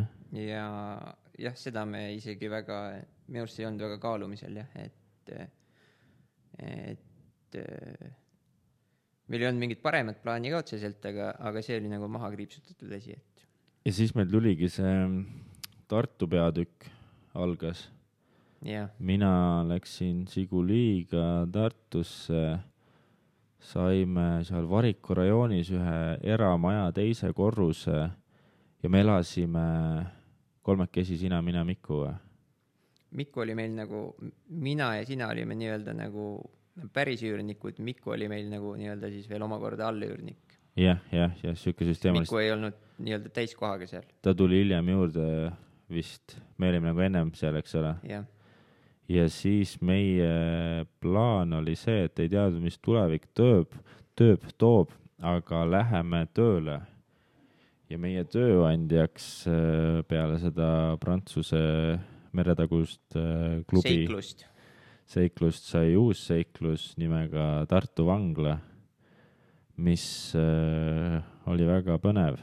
me siis saime, ma ei teagi tegelikult, kas kas me andsime mingi allkirja kunagi, et me ei tohi rääkida nendest asjadest või kuidas sellega on. Ma arvan, et me väga detailselt ei, isegi ilma allkirjata, ma arvan, me ei peaks väga detailselt rääkima, aga, aga jah, jah, ja siis äh, mingi oktoobri, oktoober, jah, ma olin kolm kuud, ma arvan, et oktoobri alguses mina hakkasin juba tööle, kas sa tulid natuke hiljem või midagi siukest? minu arust mina alustasin natuke hiljem jah, jah, ja siis äh, sest seal, juba seal see võtab aega, et seal on väga põhjalik tegelikult taustakontroll ja ma arvan, et me päris pikalt eh, peale seda, kui me nii-öelda avaldasime, et me tahame sinna tööle minna, siis tegelikult see taustakontrolli asjad võtavad päris, päris omajagu aega, et ilmselt sinu, sinu taust oli puhtam, sina said kiiremini tööle. võiks ma ei tea, sina said kiiremini tööle. jah, ei sain küll jah, ja siis äh,, siis me alustasime, kui me töötasime suhteliselt samas, me töötasime samas äh, üksuses nii-öelda. Me olime samas nii-öelda ekipaažis, ütleme niimoodi, ja, aga meid ei pandud väga kokku. jah, ei pandud jah, me ainult vahest, vahest oli see, et kui üks vahetus lõppes ja teine algas, siis me olime koos äh,, tegime mingit üleloendust. jah, ja neid päevi oli ka, kus me selles mõttes olime samas üksuses tööl, aga nii-öelda erinevates osakondades siis ikkagi, sektorites. Jah, sektorites täpselt. jah, jah, jah, ja ei, see oli väga põnev kogemus seal näha lähemalt äh, jah, eluaegseid no äh, siis selles mõttes ju meie nii-öelda meie, meie teenindatavad osakonnad olid selles mõttes siis Tartu vangla mõttes nii-öelda siis see kõige raskemini käsitletavad öö, isikud, et öö, jah, psühhiaatri osakond oli meie vastutada, kartser.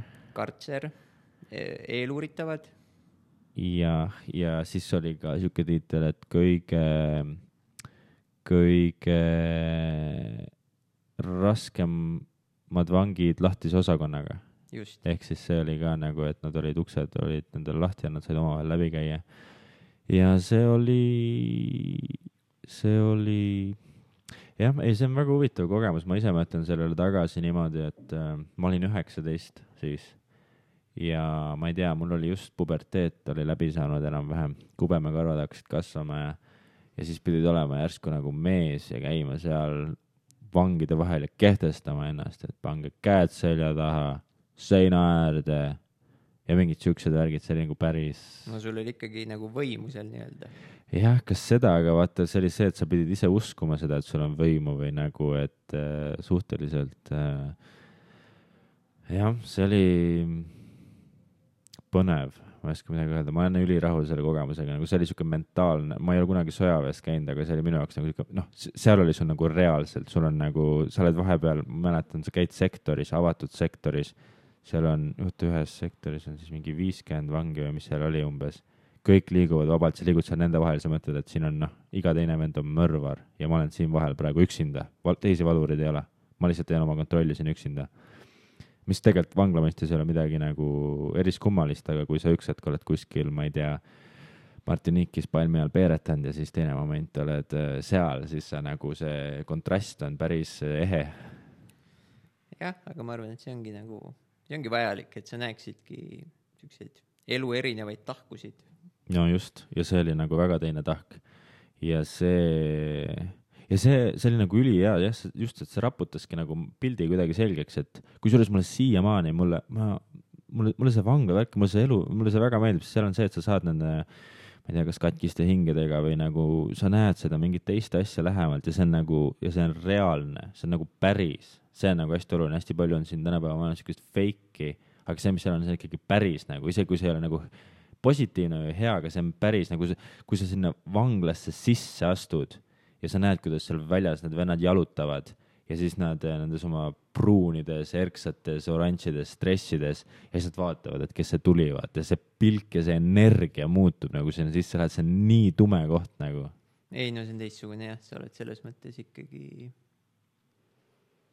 see ei ole jah, nagu tavaline elu, millega, millega sa oled iga päev harjunud, et Mm. see on mingi teine, mingis mõttes minu arust oligi see, et iga kord ju, kui sa tööle ka läksid, et siis sa tegelikult läksidki nagu teise, täiesti teise maailma nagu ja see ei ole isegi niimoodi, et nagu sa täna lähed kuskile kontorisse istuma, et sa läksidki nii, kui sa sealt nagu pääslast sisse läksid, siis sa olidki, sa teadsid, et kui su enne oma vahetuse lõppu sa ei saagi sealt kuskile välja, sa ei lähe sealt territooriumilt, ma ei tea, päeval lõunale või ei käi ära vahepeal või või ei näe midagi, mis nagu, ma ei tea, ümber kuskil toimub, et sa nägidki ainult seda elu, mis seal sees on nagu enda vahetuse aeg. just, isegi mobiili või midagi siukest ei ole minu arust nagu, mina vähemalt mäletan enda seda viimast päeva seal, et eh, see oli reaalselt nagu see viimase vahetuse lõpp, et mingis mõttes sul oli endal ka nagu natuke see tunne, et sa nagu said nagu välja sealt yeah. nagu ja siis sa võidki mõelda, mis tunne nagu nendel on, kes seal on reaalselt nagu kinni kinni olnud, et Yeah. Et juba endal oli selles mõttes ikkagi jah, mingi, mingi nagu vabanemise tunne või ma ei oska öelda. nojah, sest oligi, siis me saime aru, et tegelikult rattaga on jumala mõnus sõita vahepeal ja me läksimegi, me läksimegi siis edasi, me leidsime mingit, räägi, kuidas me leidsime järgmise kohaga, me läksime Prantsuse Guyanasse. ma ei mäleta, kuidas me leidsime selle, ma päriselt ei mäleta enam, ma arvan, et see tuli mul läbi Martiniiki sidemete kuidagi. Aga sest, et mingi sihuke case oli, et kas me tulime juba töölt ära, aga meil ei olnud midagi veel me või? tulime töölt ära, aga, aga meil reaalselt, aga ma ei mäletagi, miks me töölt siis ära tulime, kui meil ei olnud midagi. sest meile ei meeldinud, ma arvan väga ikkagi, me mõtlesime, midagi võiks teha või, või mingid ma arvan, et lootused küll me tahtsime ikkagi rattaga sõita veel jah, et äkki meil oligi see selles mõttes vanglasse minnes juba see mingi plaan paigas enam-vähem, et kaua me oleme seal, sest me just tulime mingi aasta lõpuga ära, ma arvan. jaa, aga ma mäletan seda, et me olime Kuressaares, me rääkisime ja mõtlesime, et kuule, et kas saab minema siit, mingi külm jaanuar oli ja jah, sest siis tekkiski see asi, et kui no me tulime töölt ära, siis me põhimõtteliselt enam Tartus ka ei saanud olla, meil polnud ilmselt finantse selleks väga, mm, et seal üürida, siis me läksimegi Saaremaale põhimõtteliselt nagu nii-öelda siis kodudesse tagasi. mm. -hmm. lootuses, et äkki me leiame midagi ja me leidsime, me tegelikult leidsime, minu arust me leidsime isegi või selles mõttes võimalus tekkis üsna aasta alguses, aga see jäi kuidagi hästi pikalt venima. sest me läksime sinna üsna hilja, see oli päris pikk aeg, kui, kui me lõpuks nii-öelda siis lennupiletid saime ja et me saime sinna kohale minna. see ootamise aeg oli nagu pikk. võib-olla see tundus ka hästi pikk lihtsalt, siis me pidime mingi näd-, mõned nädalad seal olema ja siis see tundus ja ma arvan, et see oli pikem natuke. ma ma märtsi algus äkki või midagi see võis siukest. olla märts juba jah. sest me läksime ikkagi külmal ajal minema, ma mäletan seda. et äh, külm oli kindlasti jah. jah, ja, ja siis äh, sinna oli nagu ikkagi uuesti põnev minna, et see oli siis Lõuna-Ameerikas on seal üleval on selline ta on põhimõtteliselt Brasiilia üleval. jah, jah, jah, seal vihmametsad ja asjad või mis iganes seal Amazonased ja jõed ja, ja Cayenne on vist selle koha pealinn nii-öelda mm. -hmm. sest seda ei ole riik ju, ma ei teagi, kuidas seda nimetatakse tegelikult siis terminoloogiliselt. seda ja kui Guyana, Prantsuse Guyana, ta ei ole riik või on? ta on ikkagi Prantsusmaa selles mõttes Jah. yeah., ta ei ole eraldi riik jah. mis, mis see on? Guyana, mis seal kõrval on, on nagu riik okei, yeah.. ja aga, Prantsuse Guyana on ikkagi Prantsusmaa ja no ta on sama nagu Martinique selles mõttes, ja, nii-öelda koht Prantsusmaal. Ja seal meil oli suhteliselt samasugune elu ju, et äh, või noh, natuke teistmoodi, et me elasime ühe perega ühes majas. klubi siis äh, president oli äkki see mees, jah, jah. ja meil oli sihuke väike ruum eraldatud, kus oli oma vannituba ja, üks tuba ja vannituba, jah, jah, ja see oli samamoodi ja seal me, kas me saime seal palka ka juba? ja saime. jah, seal saime palka mõned sajad ja meile osteti toit, et meil oli ikkagi upgrade tegelikult nagu. ja elamine oli nagu modernsem. et selles mõttes oli nagu jah, nagu e- meie mõistes oli ikkagi edasiminek. jah, jah, kurat, seda ma ei mäletagi, et tegelikult päris huvitav jah, et me olime niimoodi nagu kolm kuud ikkagi väljas või noh, jah, et äh, vangla ajal ma mäletan, väga palju trenne ei saanud teha.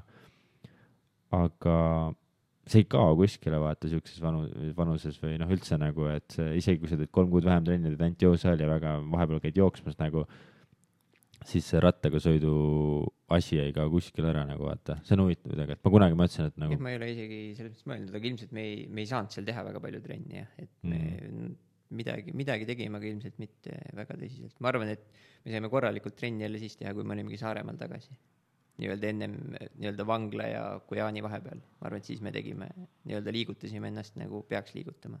jah, jah, ja siis äh,, ja siis saimegi sinna kohale ära, aga seal hakkas mingi kuradi uus kamm pihta, et me ei saanud äh, võstelda. me ei saanud võistelda jah, sest meie eelmine klubi Martinikilt ei andnud öö, nii-öelda üleminekuluba, et me võiksime uues klubis võistelda. Ja siis jah, mis oli hästi huvitav nagu, et siis hakkasid nagu tiimid meie pealt põhimõtteliselt võistlema ja mäletan, me pidime ise seal või sa saatsid mingeid meile sinna ja et äh, laske meid vabaks ja Mm -hmm. ja sest igav oli noh, see koht oli ka seal sihuke, et kuradi mingi kaks suurt maanteed on põhimõtteliselt ja noh, see polnud mitte midagi nagu. see koht oligi ikkagi jah, kui sinna, ma ei tea, Martinique kõrvale panna, siis see, see oli nagu ikka äh, suht pommiauk selles mõttes, et seal, seal tõesti ei olnudki midagi mm.. ja suht nagu, seal oli vist natuke ohtlikum ka, ma mäletan seal linnas ikkagi, see oli ikka mingi geto seal selles mõttes, et äh, seal linnad olid ja samamoodi mingid muud piirkonnad ka, kus seal mingid äh, kullakaevurid tegutsesid ja sinna igale poole ei soovitatud minna jah, seal oli kuld, seal oli kulda ka või? väidetavalt jah. noh, seda ma ei mäletagi. seal olidki mingid kohad, kus öeldi, et ei tasu väga minna, et siis äh, ilmselt need, kes seal kaevavad, et arvavad, et sa tahad midagi, Mm. midagi varastama sinna tulla või kusjuures ma ei mäleta äh, üldse nagu, ma, ma olin nagu, mulle tundub, et ma olin ikka loll ja naiivne poiss lihtsalt sellel ajal nagu. mu arust oli nagu kõik sihuke chill ja hihihi ahah kogu aeg. siis ma mäletan seda ühte reisi, mille see tol uus klubi pealik seal, mis tema nimi oli, Stanislas, mingi sihuke mm. -hmm. nimi. mm? -hmm. see oli jumala lahe vend. ta viis meid kuskile oma, kuidas see nagu äh, setup oli ja mis ta ütles meile, et ah, lähme teeme mingi tiiru ja mingi maakohta või mingi, noh, suvila sisuliselt, võib-olla meie inimene ütleks, et lähme minu suvilasse. jah yeah.. ja reis hakkas niimoodi, et viskas oma sellele džiibile paadi käruga taha. sõitsime mingi kolmkümmend, nelikümmend kilomeetrit sedasama teed pidi, kus me iga päev treenime välja sõidame üle sellesama silla, kus me iga päev üle sõidame, siis ütleb, et aga siit silla pealt lähme nüüd äh, või kuskilt alt lükkame paadi vette. lükkasime paadi vette, hüppame peale, tal olid mingid kuradi toidud, asjad kaasas või mingid äh, sinna. ja mis veel tuli, mingi kuradi kaks relva tuli vist vennal ka. ei, seal olid kõik relvad ja matšeted ja ja, ja, ja ikka täis ja see tüüp ise näeb välja ka, noh, see vend, selle venna suguvõsa on nagu reaalselt kuradi valitsenud mingeid asju või see, tal oli sihuke nagu kuradi loodusmehe nagu, noh, nagu ma ei oskagi seda seletada lihtsalt, noh, selle vennaga. ta oligi ikka jah nagu ürgmees selles mõttes. ega selle vennaga oli julge tunne metsa minna, vaata. no kahekesi me ei oleks läinud sinna jah. jah, mitte tema, kes on nagu omavahel, et aga selle vennaga oli nagu lihtne ja siis hakkame mööda seda mingit kuradi jõge panema paadiga äh,. mootor oli peal, tüüp oli jumala kuradi lahke lasi meil seal sõita, eks ole. meil on video on isegi sellest Youtube'is, kuidas me paneme seal ja kurat, me panime ikka pikalt mööda seda jõge, alguses on lai jõgi. see oligi huvitav, et äh, selles mõttes meie jaoks, okei okay, jah, me tegime vahet, kui on jõgi lai või kitsas, aga tegelikult seal on nii palju neid nii-öelda harujõgesid ja tema nagu liikuski seal ju nagu mööda siis sina või mina liigume mööda linnatänavaid, et sa tead, kuhu sa lähed, et reaalselt tegi ju mingeid pöördeid seal, me keerasime kuskile mööda neid väiksemaid jõgesid vahepeal, et tal oli üsna, üsna selge see tee, jah. ja, ja siis oligi, et see jõgi oli, alguses oli lai ja läks väiksemaks, keerame kuskile ära ja vahepeal oli ilma naljata niimoodi, et seal olid need mingid kuradi, ma ei tea, mis põliselanikud need on või indiaanlased, seal olid mingid hütid on lihtsalt, rahvas on kõrval nagu mingid ise tehtud riided on seljas, see oli nagu täiesti mingisse äh, siseellu läksime sinna, noh, see oli, see oli juba, kiskus põnevaks. jah, need inimesed, kes äh, igapäevaselt äh, elavadki seal ja nad ei käigi kuskil mujal, et äh, käivadki paadiga jõe peal, püüavad midagi, jahivad metsas ja niimoodi elavadki jah, ja siis äh, ega ma arvasin ka alguses, et see tüüp võttis need relvad kaasa lihtsalt mingi äh, noh, enam-vähem, et äh, näitab, et kui kõva vend, et tal on relvad ja et äh, ma ei tea, laseb märki seal kuskil kohal aga mingi hetk vend on järsku käsi püsti, et äh, davai, mootor välja ja siis näitab sinna. mingi kuradi linnuhääl tuli vist sealt või mhm. midagi mm -hmm. ja tõmbab järsku mingisse siuksesse rägastikku sisse nagu ja see oli nagu, ma ei oska seda seletada, aga see jõgi oli nagu siuke, et see ei ole nagu selge vesi, see on siuke mudane no, pruunikas vesi. jõed ongi tavaliselt jah, ikkagi ta ongi nagu sogane jah. jah, sogane ja siis tulevad need mingid juured, mis nagu moodustavad mingisuguse asja, on seal nagu täiesti see noh, ühesõnaga sul ei ole mingit selget randumisala ja see näeb välja täpselt sihuke koht, kus mingi kuradi neli krokodilli tuleb kohe välja, vaata. noh, see on nagu, ajab kuradi külmavärinad praegu peale ja see on, ma mäletan, meil olid nagu kas vihma sadas või see oli siuke hall ilm ka ja see, see oli siuke nagu täielik nagu džungli kogemus lihtsalt. ja siis ma tõmban sinna ära ja tüüp, ühesõnaga tüüp kas nägi või kuulis mingit lindu kuskil, eks ole. ja hüppab järsku paadist välja ja läheb eemale, vahepeal teeb mingeid linnuhääli, mingi ise tegi neid seal, eks ole, ja suhtleb nagu selle linnuga, kaob ära, me oleme kahekesi paadis, mitte sittagi ei oska teha, noh. Järsku käib lask ja tüüp tuleb tagasi lihtsalt mingi kuradi suur lind on käes, kaelast hoiab kinni pika kaelaga ja ütleb, et noh, söök on olemas või paneme edasi, poisid, noh. ja oligi tehtud, nagu nii lihtsalt ühe lasuga ka, et see vend ikka noh, oskas noh. ei, ta oli osav. ja siis panime mingi kümme kilomeetrit äh, selle jõe peal edasi ja siis jõuame, hakkame mingisse kohta jõudma ja tüübil oligi lihtsalt mingi oma kuradi place seal, noh, selles mõttes oli korralik place, et äh, maja kui sellist ei olnud, aga mingi randumiskoht ja selles mõttes asja oli ehitanud sinna ikka. Äh, jah, seal vaata nii-öelda sinna minnes tee peale jäi teisi samasuguseid ka, et, et nende jaoks need ongi mingid siuksed, ma ei, ma ei tea täpselt, kas jahihonnid või, või siis jah, mingid siuksed puhkamiskohad, et mm. -hmm ta ongi jah, põhimõtteliselt nagu jõe peale sisuliselt või jõe äärde ehitatud sihuke jalgade, jalgade peale sihuke platvorm sisuliselt, millel on siis katus peal mm. -hmm, mm -hmm. Ja... aga ilma seinteta. ja jah, seal oli, siis panime püsti selle mingi võrkkiiged ja asjad ja chill isime seal ja kas me, kui pikaks me jäime sinna, ma ei mäleta jälle üldse. no me läksimegi ikka hommikul vara läksime ja õhtul hilja tulime. aa, et me ööseks ikkagi ei jäänud jah? ei, ööseks ei jäänud aa, kurat, ma mõtlesin, huvitav, kas me olime või ei olnud, sest et äh, see oli, see oli seal huvitav kogemus, siis ta hakkas seda kuradi lindu seal keetma, kõigepealt pani sulgedega keetma, siis pani, sidus selle kinni, pani jõkke, et äh, külma veega siis see jõevool viib kõik need suled ise ära ja ma mäletan, mingi sihuke teema oli. no üldse, et oleks natuke jahedamas ikkagi, et ta ei rikneks juba seal või jah, jah mm, -hmm. mingi sihuke eesmärk ilmselt. ja, ja siis oligi, ja siis ma mäletan, kui ta nende asjadega tegeled, siis ma küsisin, et äh, kas siin võib ujuda ka vaata siin jões, et kas sellega on okei okay.. siis ta oli nagu ja, ja uju, uju. Ma panin seal mingeid pomme ja asju ja hüppasin paar korda sisse, aga no ikka veits oli kõhe nagu, veits no, oli kõhe. no juba sellepärast oli kõhe, et sa reaalselt näinud, mis seal vees tegelikult just, on, et kuna just. ta oli nii pruun või, või, või tume, et ja siis äh, ma tulen välja ja siis see lind on ikka seal ja siis see tüüp järsku ütleb, sa kurat, meil oleks peaaegu lind ära läinud, et see kuradi poamadu ajas seda taga ja siis mul oli küll nagu, mine perse vend, et sa just lubasid mul sinna sisse hüpata, vaata. Ja siis ta pärast ütles seda ka, et tegelikult öösel tulevadki reaalselt äh, krokodillid või alligaatorid, mis iganes seal olid, tulevad ka välja, et noh, seal oligi see kõik full on ole-, nagu see täispakett on seal olemas no ta ju näitas meile seal hüti kõrval kuskil, kus ta oli gepardi maha lasknud ja mingi aeg tagasi, ma ei tea, kas sa seda mäletad, kus ta ütles, et siin kohapeal ma lasin ükskord ühe gepardi maha.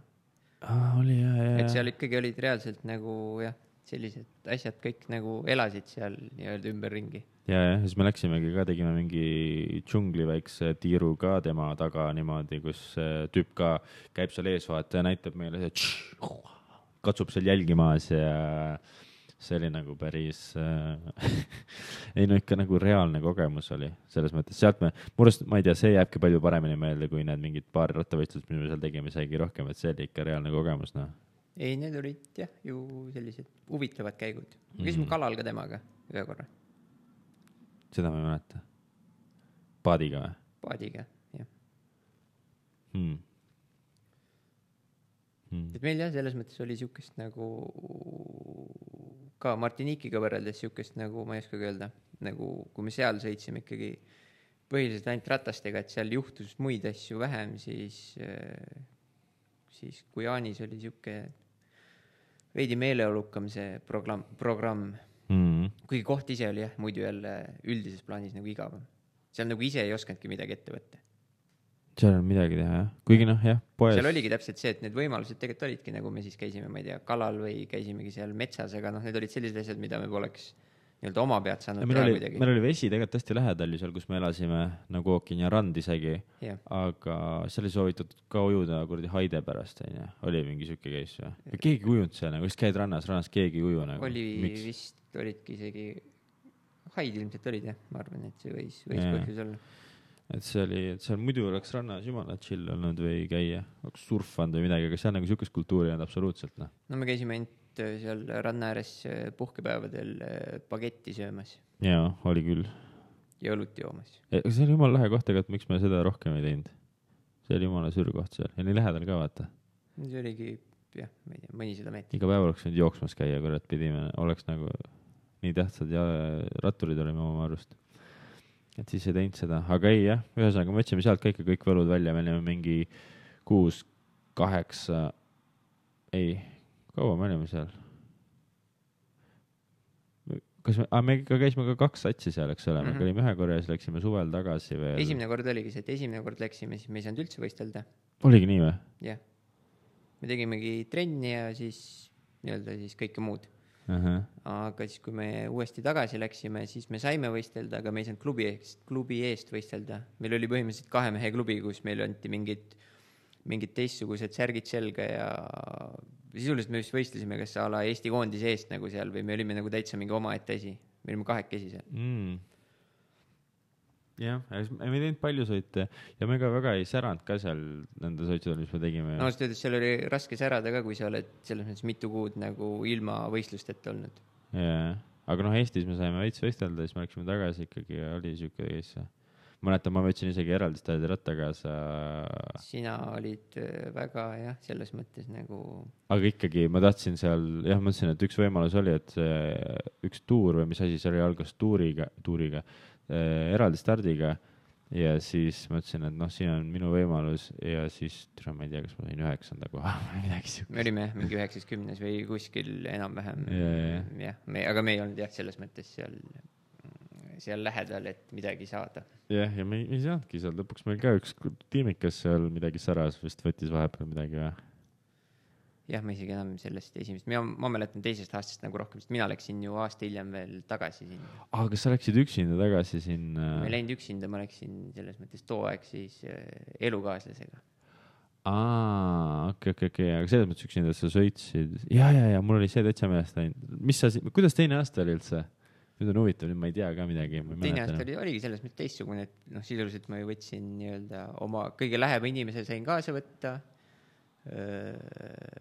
palk tõusis, yeah.. mul see palk on ikka alati sinuga selles mõttes seotud olnud, kui sina oled, on, on vähem või ei ole üldse ja kui ma ilma sinuta olen, siis ta on nagu okei okay.. et ei, teine aasta oli ka, seal olid täitsa selles mõttes jälle mingid nagu või noh, ilmselt oli ka see, et ma teine aasta ju ise teadsin, mis, mis mulle ei meeldinud või mida ma tahaks nagu, et oleks teistmoodi, et siis see nii-öelda äh, reisipakett oli mul veits nagu upgrade itud, et äh, siis mul oli palk äh, ja põhimõtteliselt oligi selline palk, et ma ostsin toidu ka ise nagu Mm. teisel aastal.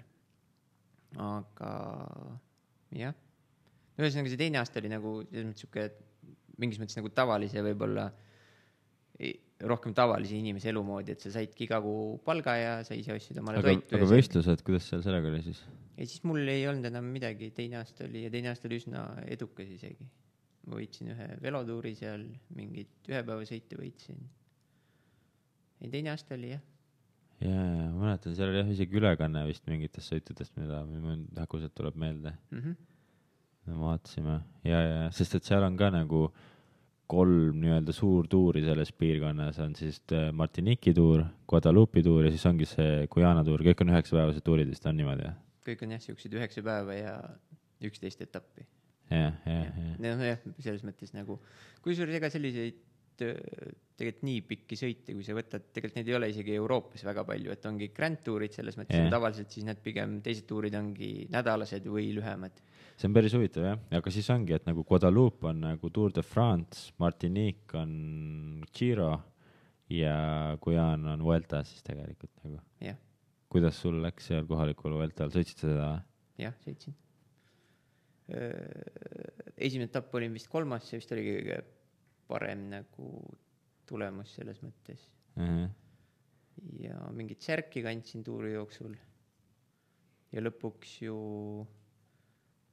meil tiimikaaslane oli kolmas, Mm.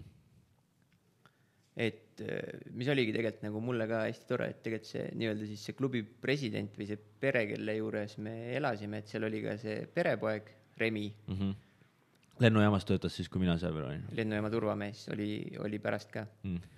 ja see oligi selles mõttes huvitav, et äh, ta ei olnud tegelikult ju väga tugev, noh, sa mäletad ka esimesest aastast, et mm. noh, midagi, midagi oli, aga, aga ma arvan, et tegelikult see esimene aasta, mis me seal olime ja samamoodi teine aasta, tegelikult ta kõrvalt üsna palju nagu jälgis või ta muutus tegelikult päris palju või hakkas tegema nagu teistmoodi oma treeninguid ja ja, ja ta arenes tegelikult üsna palju, ma mäletan, ma tegin veel mingit äh, treeningplaani talle ja ja lõpuks oligi nii, et ta oli ju selle velotuuri kokkuvõttes nagu kolmas, seal oli natuke nagu õnne ka, et seal mingi, et põhimõtteliselt ühe etapiga tehtigi, tehtigi see tuur ära, kus ta juhtus nii-öelda sinna ette ja siis jah, siis oligi nii.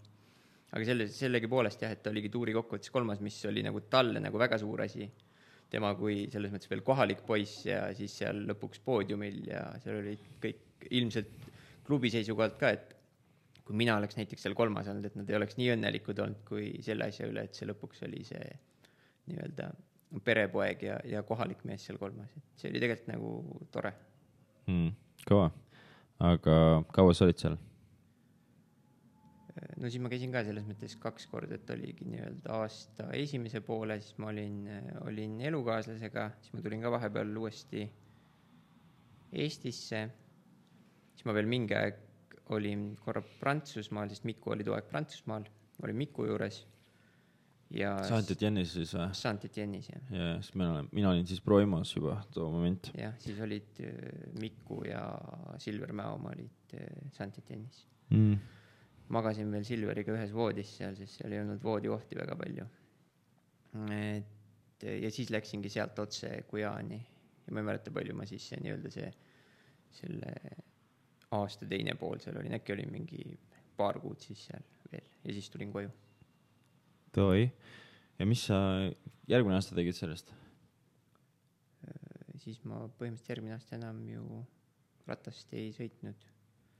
mul oligi, mul oli selles mõttes hooaja lõpus äh, nii-öelda, ma pidingi, pidingi minema Guadalupe'i mm, -hmm. mis oleks tegelikult tore olnud, et ma oleks saanud kõik need kolm äh, põnevat kohta nagu läbi käia. Grand Touri ka ära sõita. ja kolm Grand Touri ära sõita, aga seal see suusõnaline kokkulepe mingi aeg selles mõttes langes ära, et klubi vist kaotas mingit, mingi sponsori või ühesõnaga neil ei olnud raha, et, et seda palka maksta, milles me olime nagu kokku leppinud ja, ja ilmselt ma siis, võimalik, et ma siis ise ka nii väga ei, enam ei tahtnud võib-olla ratast sõita, et ma mõtlesin, et, et kui ma nagu seda, seda palka ei saa, mis me algul kokku leppisime, et siis ma ei sõida üldse ja, ja selles mõttes läkski nii, et sest ma ootasin neid tegelikult ikkagi seda lõplikku otsust üsna kaua veel, et ma arvan, et ma olin Eestis ja ma tegin niisugune veebruar võib-olla isegi märts, et tegin Eestis tegelikult veel nagu trenne täitsa korralikult mm. -hmm.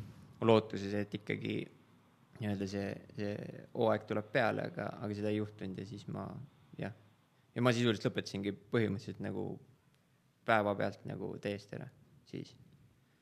aga millal sa nende, selle mingi Prantsuse klubi jaoks või mille, mitte Peugeot?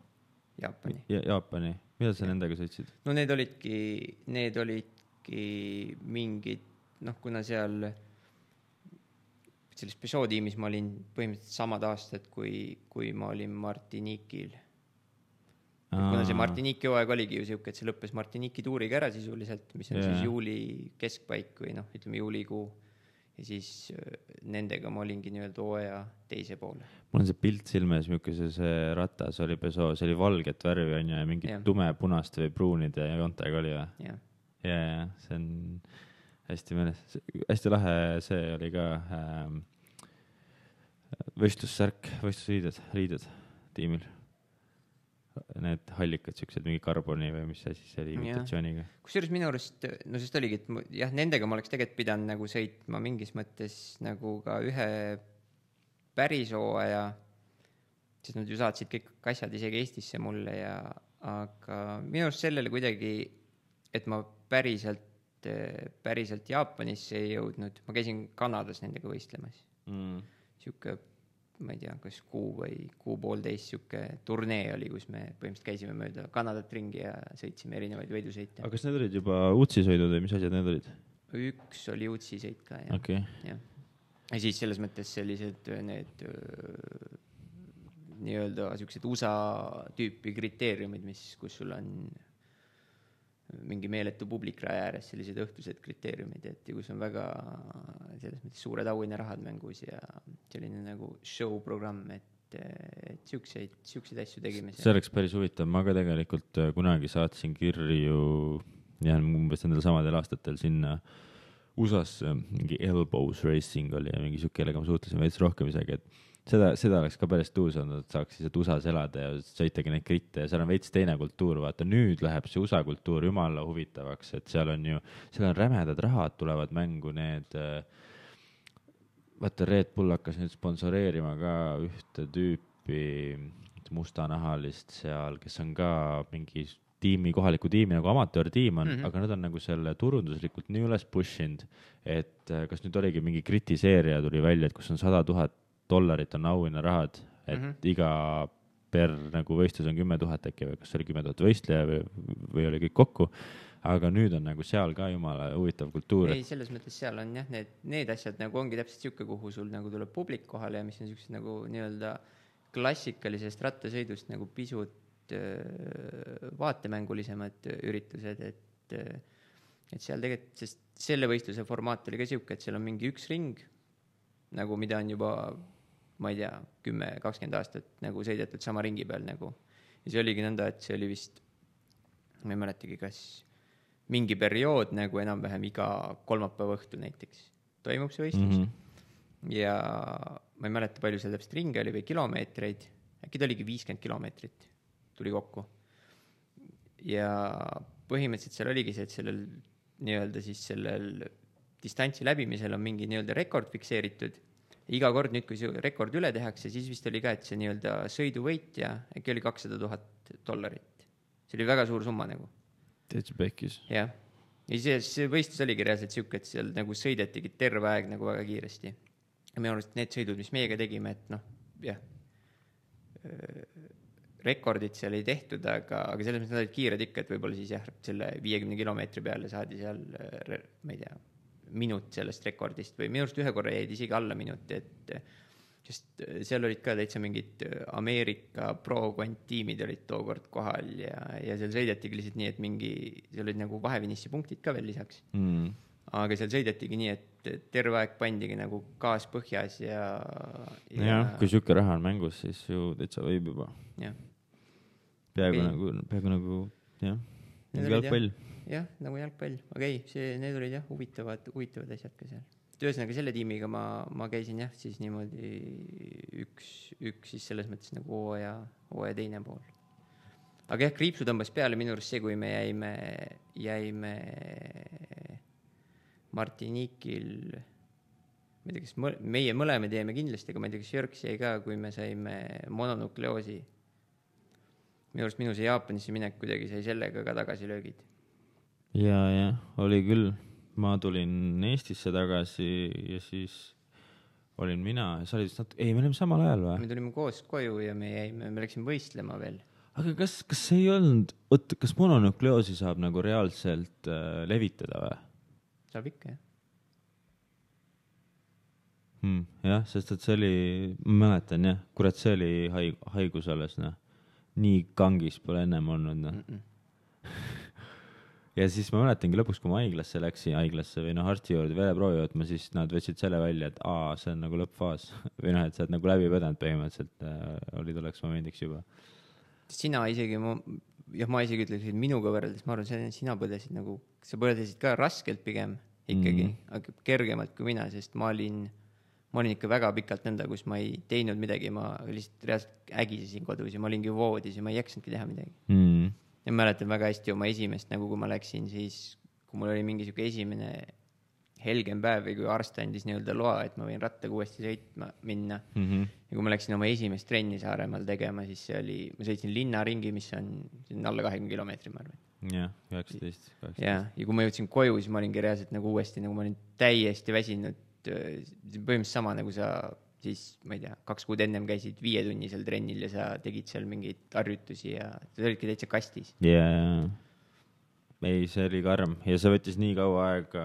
Ja ma mäletan, kas see oli siis, kas see oli see aeg, kui me läksi-, noh, nii-öelda sisenesime mononukleoosi, kui me sõitsime seda Viljandi gritti ja.... see oligi see, kus me saime aru, et midagi on viltu. Ah,. ja, jah, ja siis oligi see, et äh, noh, kõrge mägi, eks ole, mitu ringi sõita ja ma ei tea, mitmes ring see oli, kolmas, neljas, viies ring, ma lihtsalt jäin seal üleval seisma, tulin ratta sellest maha, ma ei jaksanud sõita nagu, nagu täiesti võimatu oli, siis ma mäletan ja boss Riho oli nii kettas, et miks meie mõle, meie mõlema peale üsna jah. jaa, et miks poisid kurat ei sõida raisk aga ei, endal oli ka nagu väga kummaline, noh, too moment sa ei oska arvata, mis asi see on, sest et see ei ole nagu, vaata, kui sul on. mul, mul oli ka see täpselt seal, see, nojah, sama võistlus, et aga see juhtuski niimoodi, et mingi hetk nagu oli okei okay, ja siis ühel hetkel lihtsalt saigi kõik jõud sai nagu korraga otsa mm.. ja see oli, see oli kummaline ja see oligi, et see oli täiesti seletamatu või ebaloogiline, kuidas see nagu niimoodi on, et või noh, sest kui sa oled mingi külmetus või asi on, vaata siis sa tunned seda, aga mononukleoosi sa ei tunne otseselt peale sellega, et sa tunnedki ainult selle kangiga, vaata mm. -hmm. ja siis sa lähedki kuidagi nii sujuvalt sinna sisse ka võib-olla, sa ei saagi aru, et midagi nagu nii mäda on või et äh, mis toimub. aga ei, see oli, see oli ka huvitav kogemus, jah. ma ei tea, kas seda saab mitu korda ka saada või? Mina olen seda mitu korda saanud. mul on ta jah, selles mõttes selle nii-öelda selle viiruse tekitaja siis, mis on siis Epstein, Epstein-Barr, mis on tegelikult üsna haruldane, et seda ei juhtu tavaliselt, aga mul on see olnud korduvalt ja selles mõttes kõik korrad eh,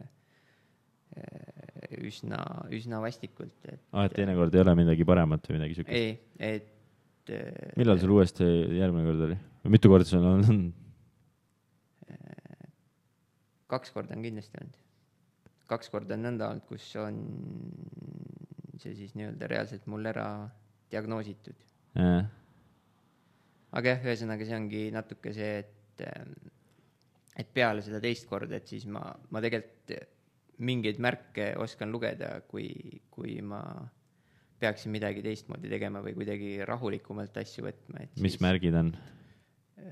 Seal on mingid märgid, selles mõttes ma isegi ei tea, kas ma oskan neid sõnadesse panna, aga, aga seal, seal on selles mõttes pigem siuksed, kus sa, kus tunned, et midagi ei ole enam väga okei okay ja siis sa, seal ongi nagu, kui see asi hakkab enam-vähem sinna suunas tüürima, et siis ongi nagu minu jaoks ainuke lahendus ongi see, et eh, nagu täielik eh, põhimõtteliselt tavalisele elule või täielik käsipidur peal, et sa, sa peadki, peadki mingi aeg nagu täiesti, kas, kas sisuliselt nagu niisama olema ja puhkama ja magama ja kõiki siukseid asju tegema. jaa, ei noh. et siis ja. sa nagu mingis mõttes, et võib-olla ta on mingil kujul nagu aktiivne, aga sa suudad vähemalt selle nagu ära, ära ohjata, et ta ei lähe nagu hullemaks ja siis sa saad sellest nagu kiiremini välja mm aga, aga mul on ta jah, nii-öelda, ma ei, ma ei nakka selles mõttes või mul ta ei ole nagu selles formaadis enam, et ma, et ma kogu aeg iga kord nakataks kedagi sellega nüüd mm.. Aga nii-öelda see viirus on kuskil, kuskile nagu kehasse jäänud ja siis ta aeg-ajalt mingites olukordades ongi, ma ei kujuta ette, stressiolukorrad, siuksed väga pingelised olukorrad, mis sul võivad noh, mingi pikema perioodi jooksul nagu tekkida, et, et siis ta võib uuesti kuskilt välja hüpata. aa, okei okay,, et see on see nagu, see on nagu herpes, et see on veres nagu või? jah. siis on mul ka ju, ei või? Äh, kui no, ma olen läbi põdenud seda? No selles mõttes sul ta on nagu ilmselt sellel kujul olemas, et nii-öelda läbipõetud kujul uh, -huh. sest üldjuhul ta ei lähe nagu teist korda tegelikult ma räägingi, et see on üsna, üsna haruldane, et ta teist korda läheks okay. aktiivseks okay.. sest viimati, kui ma olin Saksamaal, käisin arsti juures, siis ma sattusin sellise arsti juurde, kellele ma tundsin ka, et mul on nagu imelik, siis ma palusin teha nii-öelda seda mononukleoosi testi mm. -hmm. sest seda nagu tavalisest vereproovist sa ei näe, et selle jaoks ongi spetsiaalne, spetsiaalne test mm. -hmm. ja siis ta küsis ka, et miks sa arvad, et sa peaksid seda tegema, siis ma ütlesin talle, et noh, et mul on nagu olnud see ja selles mõttes see tunne on nagu sarnane, et äkki on ja siis arst ütles mulle niimoodi, et aga seda ei saa ju mitu korda saada ja siis ma ütlesin, aga ma olen juba ennem nagu seda korda juba kaks korda põdenud, et kus mul on nagu diagnoositud, et järelikult nagu saab, vaata. et siis sa oled kolm ikkagi? See kolmas kord ongi sihuke, kus mul ei tehtud seda testi Aa, ja seda ma ei tea, aga okay,, okay, okay. aga, aga jah, see kolmas kord oligi täpselt sihuke, aga siis ma sain suht ikkagi õigel ajal nagu ise jaole. aga tema ei teinud mul seda testi, sest ta keeldus ja siis ta ütles, et see ei ole nagu võimalik meditsiiniliselt nojah, see on äh,, läheb selle teema juurde, nagu me üks päev rääkisime, kui hea on Eestis elada ja kui pask on teistes riikides elada isegi nagu, nagu Saksamaa ja nagu isegi Norra näitel ma tõin, võin tuua, et ei no, ole. ilmselt jah, neid, neid sa oskad paremini nagu ette lugeda, kus sa reaalselt ise oled nagu noh, mitte käinud, vaid kus sa oledki nagu mingi pikema perioodi olnud, et mm. ma arvan, et see on ka tegelikult üks, üks võlu, et et ju inimesed ju täna reisivad nagu palju ja sa käidki kuskil, teed oma nädalasi või, või pooleteist, kahenädalasi puhkuseid ja käid hotellis ja sa näed nagu kõike, noh, kõike seda, mis sulle siis selle, selle asja juures nagu näidatakse mm. -hmm. aga kui sa oled ikkagi kuskil pikemalt paigas, kus sa näed nagu päris elu või. sa saad kõik probleemid tegelikult läbi, kui sa pool aastat, ütleme, elad kuskil, saad põhimõtteliselt kõik probleemid nagu oma naha peal ära katsetatud. ja ma arvan võtta. küll jah, et kui sa oledki nõnda, et no sest me oleme ka sinuga näiteks ju ükskord, kui me Guyanist tagasi tulime, mis on ka tegelikult päris huvitav lugu, kui me tulime läbi Martiniiki tagasi ja me olime ka hotellis, et lennuk äh, ei lendanud otse. lennuk äh, katki. jah, jah, jah, jah, jah. me olime ka ju tükk aega põhimõtteliselt oodati nii kaua, kui lennuk korda saab ja keegi ei osanud öelda, kuna lennuk korda saab, me pidime tulema Estikateks koju. see on tegelikult põnev lugu. või noh, huvitav lugu. jaa, see on ülihea lugu. mis me tegimegi seal, see on ülihea lugu sellepärast, et ma mäletan, hakkame rääkima. Nii äh, tulime Martiniiki ja juba ka kriitiliselt lähedale tuli, sellepärast et me tulime Martiniiki, siis jäi üks öö olime Martiniikis ja järgmine päev saime lennata, eks ole. jah, aga oligi, me olime tegelikult seal Guyanis ka, meil olid lennupiletid nagu olemas, selles mõttes meie reisiplaan oli nagu okei okay,, et me oleks väga, ma arvan, me oleks nädal enne Estikaid nagu kohal olnud tegelikult mm. -hmm. aga läkski, lennuk läks katki, seda hakati Guyanis äh, nii-öelda remontima ja keegi ei teadnudki, et kuna see nagu korda saab seal oligi nagu täiesti see, et äh, põhimõtteliselt me saimegi siukseid nagu vastuseid, et võib-olla on homme korras, võib-olla on ülehomme korras, võib-olla on, ma ei tea, nädala pärast korras, võib-olla on kahe nädala pärast korras. Mm.. et see oligi nagu täitsa, täitsa sihuke olukord ja siis me tegelikult mitu päeva olime nii-öelda paigas seal ja reaalselt ootasimegi siis, et millal see, millal see päev siis tuleb, kui lennuk korda saab. Mm.. siis tekkis mingi selline variant, et kuidagi saaks lennata tegelikult jah, läbi Martiniiki, et me lendame Guyanist Martiniiki ja siis sealt äh, Prantsusmaale mm. jah, ja me muidugi, meil oli vaja koju tulla ja siis me kasutasimegi nii-öelda seda, seda võimalust. ja siis oligi, me olime ühe öö Martiniikil, siis me lendasime Pariis Orly või mis mm -hmm. selle lennujaama ja kas me seal pidime ka olema ühe öö minu arust või, sest et see oli ülipikk reis. ei, me ei olnud seal, ma arvan. aga mul oli, mul on, mul on selline lugu meeles, et või selline situatsioon, et me olime kahe vahel, kas võtta mingit hotelli või mitte. aga see oligi juba selles teises äh, Charles de Gaulle'i lennujaamas, kuhu me läksime, selles mõttes me läksime sinna ära. okei okay sest Orlyst Ja, ja, võib-olla ja. täna saab Eestisse lennata, too too aeg ei saanud. et eh, me läksime sinna ilmselt bussiga ikkagi ära ja siis meil võis jah, või noh, tegelikult meil ei, meil oli kõigepealt ikkagi vaja lennujaama jõuda, sest meil ei olnud sealt edasisõidupiletit enam. Aa, vot klubi siis, siis, klubi saatiski meid eh, selles mõttes nagu Pariisi mm -hmm, meil olid piletid olemas mm mm. -hmm. sest need piletid, mis meid koju pidid tooma, need nii-öelda olid selleks ajaks kehtetud, sest see lennuk oli katki. okei okay,, aga siis oligi see, et me mõtlesime, mis pileteid osta lihtsalt, kas võtta odavamad või kallimad või mingi sihuke vahe oli, oli mingi teema seal ei olnudki väga odavaid pileteid, seal oli tegelikult väga vähe võimalusi üldse too aeg, kuidas isegi sealt koju saada ja see mingi nelisada eurot äkki maksime mm. -hmm. ma arvan, et see oli mingi sihuke suurusjärk, et minu arust me panime ikka suht palgad jahedaks seal, mitme kuu palga ei no päris nii hull ei olnud, aga selles mõttes me panime ikka jah, meie jaoks oli üsna nagu kallis projekt, sest meil olid ju rattad veel ja Jaa, meil oli nagu ainult, ainult reisijapiletid, et ühesõnaga jah, siis me kõigepealt läksimegi lennujaama, ostsime piletid omale mm. -hmm. aga me ei saanud samaks päevaks piletit, sest ei olnud olemas lihtsalt. või olid samaks päevaks äkki a la mingid äriklassi piletid veel pakkuda, mille hind oli ilmselt mingi, ma ei tea, kaheksasada Mhm. eurot võib-olla või no mida iganes jah, ei mul jah, ja ma mäletan midagi, ma mõtlesin, aga ühe- ma ei mäleta, mis meil oli mingi, sa ütlesid, et ma ütlesin, ma maksan rohkem ja ma tahan rohkem, ma tahtsin seda kiiremat varianti saada, siis ma mõtlesin oma estikate peale nii väga, et teha. sina tahtsid äh, ma arvan, et sa kiiremat varianti ei tahtnud, ma arvan, et sul isegi ei olnud nii palju raha, et kiirem variant võtta. Aga sa tahtsid hotelli minna hotellivärk oli jah ja ma ütlesin, et ei ole mõtet minna. yeah. sest mingi sest järgmine, hotellihinnad olid ka tookord kallid, kui sa mäletad, sest samal ajal, seda öeldi meile lennujaamas, sest samal ajal toimus mingi konverents. aa ja mul on mingi sada kolmkümmend eurot või mingi sihuke asi meeles nagu. ma ei mäleta numbrit, aga ühesõnaga hotellid olid ka kõvasti kallimad kui muidu, sest need olid nagu suht täis puugitud kõik, sest mingi üritus oli peal ja siis need üksikud asjad, mis seal pakkuda olid, siis nende eest küsiti ka nagu rohkem raha mm. kui tavaliselt. et ja, aga sina tahtsid hotelli minna, mina ei tahtnud. aga, me ei läinud lõpuks ikkagi ja siis me jõudsime kohale ja suhteliselt otse jäime Tallinnasse, siis too aeg, aasta oli Jüris või kus need olid? jah, me olimegi jah, selles mõttes jah, öö lennujaamas ja siis Estik-, järgmine Estikad päev olid kunagi- Jüris on ju või kus, või olid Viimsis või? Oligi äkki Jüris ja Viimsis eraldi ühes kohas ja äkki see oli teises kohas. aga ma, ja aga ma tean seda, et äh, ma sain Estikatel medali. medali hõbeda, siis äh, Timo Järet võitis ja Martin Laas oli kolmas minu arust, ehk siis äh, ikkagi hea looga lõpp oli. ei, selles mõttes jah, et sina said sealt suht selle kätte, mis sa tahtsid ilmselt jah, lõpuks, peale isegi seda rasket teekonda.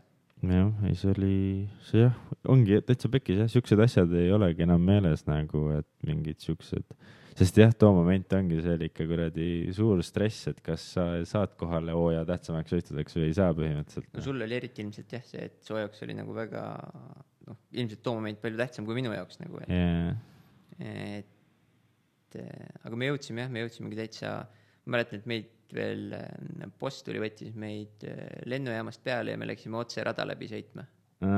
et me tulimegi lennukist, me olime eelmine öö lennujaamas maganud. selles mõttes ja ma ei tea, siis ennem seda veel mingi, kui pikad need üle Atlandi lennud sealt olid, need olid mingi kaheksa-üheksa tundi. ja, jah, ikka pikk ja nojah, Martiniquis oli ülihea, ma mäletan, seal mul oli äkki veel Instas on äkki pilt mingist kuradi basseinist seal, seal oli ülimõnus. teema hakkaski sellest jah, me rääkisimegi, et sa peaksid kuskil elama, siis ma tegelikult jah, miks ma seda juttu üldse alustasin, oligi see täpselt, et kui me oleks Martiniquil käinud, me oleks seal hotellis, meil olekski Martiniquist nagu see mälestus. ja just, just. jah, et siis sa näedki ainult seda glamuurset hotellielu, kus sa saad käia uhkes basseinis ja sulle tuuakse süüa ja Jah. tegelikult ju noh, tegelikult seal see päris elu oli nagu üsna, üsna huvitav ikkagi. nii, jah, ei täpselt ja kõvasti samamoodi. teistsugune kui seal hotellis sees või jah, või, või samamoodi siis, kui sa lähed Saksamaale ka, siis tundub ülilahe, kiirteed on Porschesid täis ja ma ei tea, mis teisi autosid seal, eks ole, ja tundub nagu okei okay,, okei okay koht, aga siis mingid asjad, nagu sa räägid, on väga liiga konservatiivsed ja ne- neid no no, toeta meie, meie jaoks nagu jah, ilmselt eestlase jaoks nagu keerulised, et eh, elu haldamine on nagu keerulisem, mulle tundub. see on päris karm. või nojah, selles mõttes ongi, õpid ja siis saadki aru, et ma olen ikka täiega aru saanud sellest, et äh, Eesti on ikka hea koht, kus elada, et äh, olen võrdlenud mitme, mitme riigiga tänaseks ja isegi jah, ma ütlen Norraga, siukse heaoluriigiga ei ole nagu nii palju eeliseid Eesti ees nagu. või midagi ei ole tegelikult, mina ei pigem arvangi, et nende kohtadega tekibki see, et eh, kindlasti seal on nagu mingid eelised ka või nii-öelda mingid plussid ikkagi, aga neid jah. on eh, järelikult eh, vähem kui seda, seda nii-öelda miinuspoolt, et No lõppkokkuvõttes ei tõmba sind nagu. selles mõttes jah, et norrakad ei peaks kõik Eestis elama tulema, kui sa võtad kõik arvesse, et noh, jah, sa pead seda ka võtma arvesse, et mingi sõbrad on siin, eks ole, kõik see edasi, aga, aga jah, isegi, aga kui ma, ma, ma näiteks räägin põhimõtteliselt kultuurist või nagu mingist siuksest asjast kasvõi nagu, et seda on nii palju vajaka mingis Norras näiteks minu arvates nagu. või noh, vähemalt see kogemus, mis mul oli, aga see on ka jälle vaata, et igal inimesel on oma kogemus, et ma olin ka nüüd nagu selle äh, pandeemia ajal nii-öelda, et see on ka nii palju teine kogemus ikkagi tegelikult. see on kindlasti jälle selles mõttes mingi, mingi teine vorm sellest, sellest nii-öelda tavalisest elust. jah, jah, jah, et siis ongi raske. aga mis sa teinud oled siis, räägi kuulajatele ka peale rattasporti, rattaspordi lõppemist. peale rattaspordi lõppemist. Siis ma läksin Tartus tööle, kas sa läksid vanglasse uuesti või? ma korra olin vanglas ka uuesti aga. kuidas seal uuesti olla oli? Selles mõttes need nii-öelda, need inimesed, kelle pärast me oleme seal, need olid üldiselt samad, endiselt. jah, selles mõttes teist korda, teist korda oli mingis mõttes nagu lihtne minna, et sa nii paljusid asju juba teadsid või Jaa. või ei pidanud enam kõige pärast nii palju muretsema Mm. mm.. aga ma ei olnud seal pikalt teist korda samamoodi, et ma olingi korraks, kuigi algul ma läksin ikkagi selle mõttega, et äkki ma jään nagu pikemaks, Mm. aga siis mul tekkis Tartusse ühte rattapoodi variant tööle saada ja siis ma lõpuks otsustasin nagu selle kasuks. Special. Specializ'i pood Tartus jah. ja, ja okei okay,, ja, ja ja kus ma olin tegelikult päris isegi, ma arvan, et kolm aastat äkki või. korralik. sealt läksid edasi, läksidki siis Saksamaale või? ja, ja mingi aeg ma saingi aru, et, et põhimõtteliselt see töö, mis ma tegin seal või siis jah, olles poes, et see oli ka nagu tore aeg, aga ma saingi aru, et sealt kuskile noh, see ongi nagu lagi või, või, või see ongi, see ongi selles mõttes, et sa võid seda tööd ilmselt nagu võib-olla kakskümmend aastat ka teha samamoodi ja samas Mm. kohas. aga see on nagu minu jaoks äh, motiveeriv, et äh, siis ma hakkasin jah otsimagi jah, ma vist ise ka hakkasingi täitsa niimoodi otsima, et ma tahtsin kuskile välismaale nagu minna. mm.? ma ei tea, miks, aga jah, millegipärast tahtsin. ja siis mul tekkiski see Saksamaa, Saksamaa variant. Corrateki rattatehas siis. korratiki rattatehas jah, kuhu ma ka tegelikult algul läksin suht nii, et mul ei olnud käed taskus. no mul ei olnud selles mõttes, ma isegi ei teadnud, mida ma seal täpselt tegema hakkan mm.. Ma läksin alguses sinna, mul oli selles mõttes omanikega nagu põhimõtteliselt jah, et tule, et tore ja siis vaatame. ja,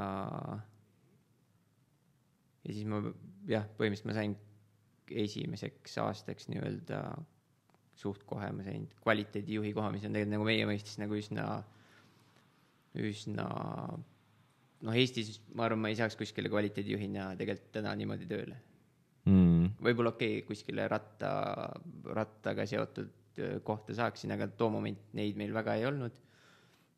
ja jah, ühesõnaga siis ma olin seal aasta aega kvaliteedijuht.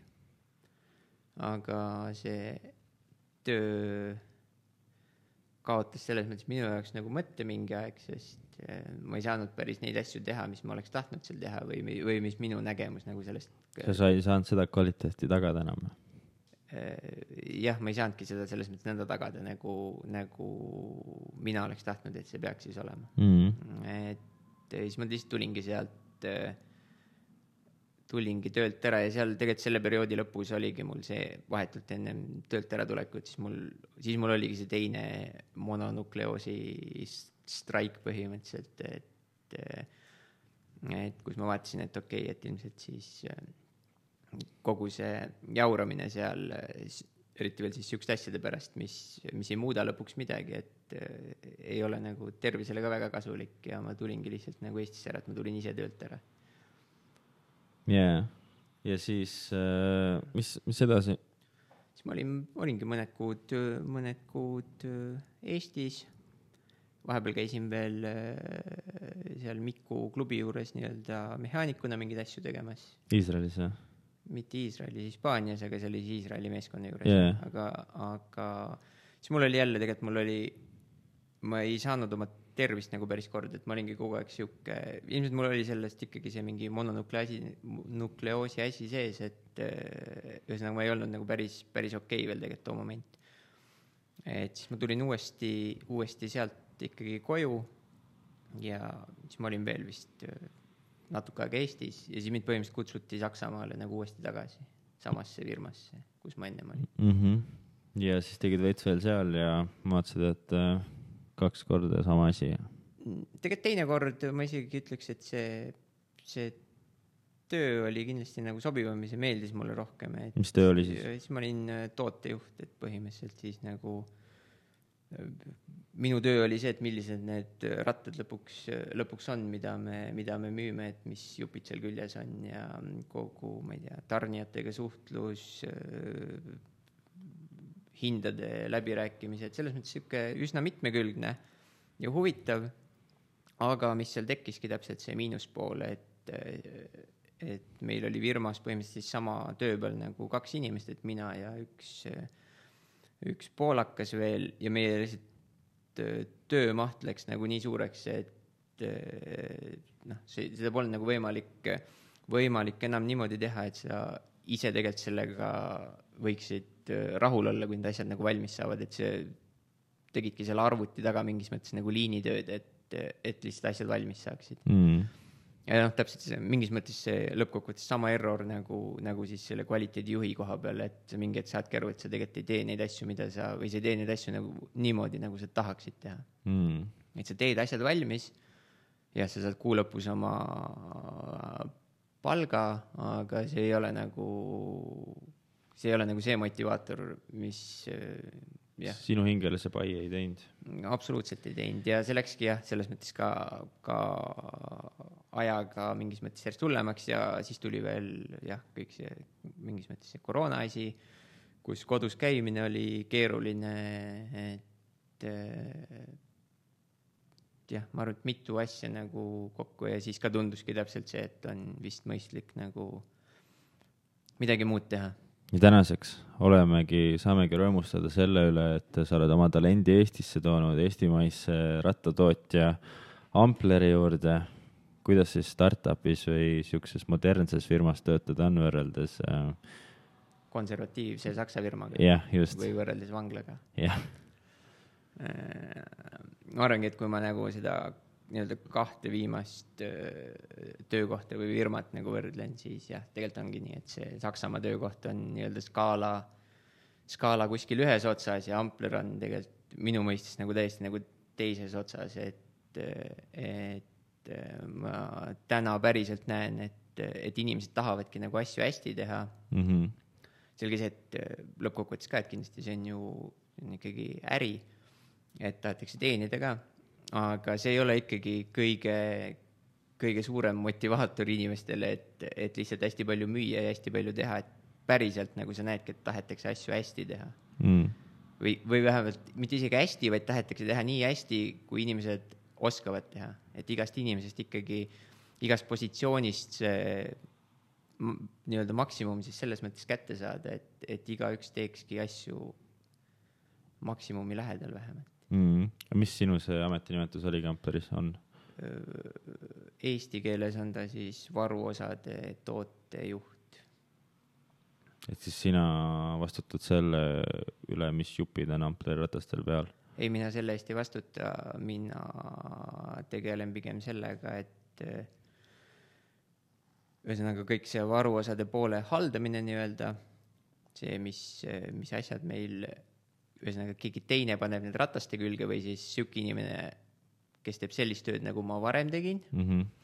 ja siis minu ülesanne on täna nende juppide haldus põhimõtteliselt, mis on sinna külge keegi mõelnud. Okay, et need okay. oleksid nii-öelda varuosadena või siis jah, garantii või mille iganes jaoks. palju, palju Ampleril mudeleid on üldse? meil on täpselt kolm mudelit praegu. Siis selles mõttes see tundub väga lihtne ju kolmel rattale, palju seal juppe ikka on või, või seleta mulle? see ei ole tegelikult, no kas ta on lihtne, jah noh, sul on ju käiguvahetajad ja pidurid kahele, kolmele. tegelikult on palju, kuna need on ka ju, need ei ole selles mõttes täna enam ikkagi nagu tavalised jalgrattad, vaid nad on elektrirattad, siis seal on ka palju elektroonikat tegelikult. aa, okei, okei, okei. ja ma arvan, et täna üldse kui sa võtad kogu rattatööstuse ja teades seda kriisi, mis seal praegu valitseb nii-öelda nende mm. juppide, juppide kättesaamisega, et siis isegi kui see oleks üks mudel, sul oleks ilmselt nagu keeruline, et seda asja tegelikult nagu hallata yeah.. aga jaa, selles mõttes on ta, on ta jah, kolm mudelit on, on kõvasti lihtsam kui see, mis ma, mis ma nii-öelda Saksamaal pidin tegema. saad panna üht nagu fookust rohkem, selles mõttes on parem, on ju, et sa ei pea. ja nagu... Saksamaal mul oli põhimõtteliselt nõnda, et minu fookus oli kuskil vist viimane aasta kakssada pluss mudelit oli, mille, mille peal mul pidi fookus olema või mis ma pidin valmis tegema selles mõttes, et. ja rets vahe ja no seal ongi reaalselt mingi downhill'i rattast kuni maantee ja gravel rattani on ju. no elektrirattad, kõik yeah., ühesõnaga kõik kõik rattad, mis sa suudad välja mõelda, kõik on, kõik on olemas ja siis nendest on veel sisuliselt jah, ma ei tea. põhimõtteliselt samast rattast on mingi kolm või neli või viis mõnest rattast versiooni veel ja jah mm.. et. ei noh, jah, aga nüüd on siis jaa, mõnus, oled Eestis tagasi ja, ja elu on nagu lill.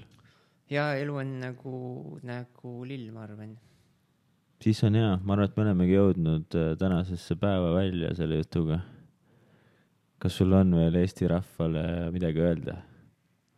ei, ma ei usu, et mul Eesti rahvale midagi öelda, et ma arvan, et me ütlesime enam-vähem ära. ja siit rahvas saabki teha nagu enda, enda väljanopped meie jutust, et mida, mida enda jaoks tähtsaks pidada. mida uskuda ja mitte. kuule, aga aitäh siis külla tulemast, Rigo, ja äh, väga meeldiv episood oli. no loodame. nägemist. nägemist. aitäh et sa kuulasid ära episoodi. ja nagu episoodi alguses siis mainitud, Patreon, Patreon. Ähm, ma loodan teile mõnusat äh, talve algust, advendiaeg, kõik jutud. Ähm, hoidke siis ikka vibud pinges, tehke trenni, olge asjalikud. ja kohtume järgmine nädal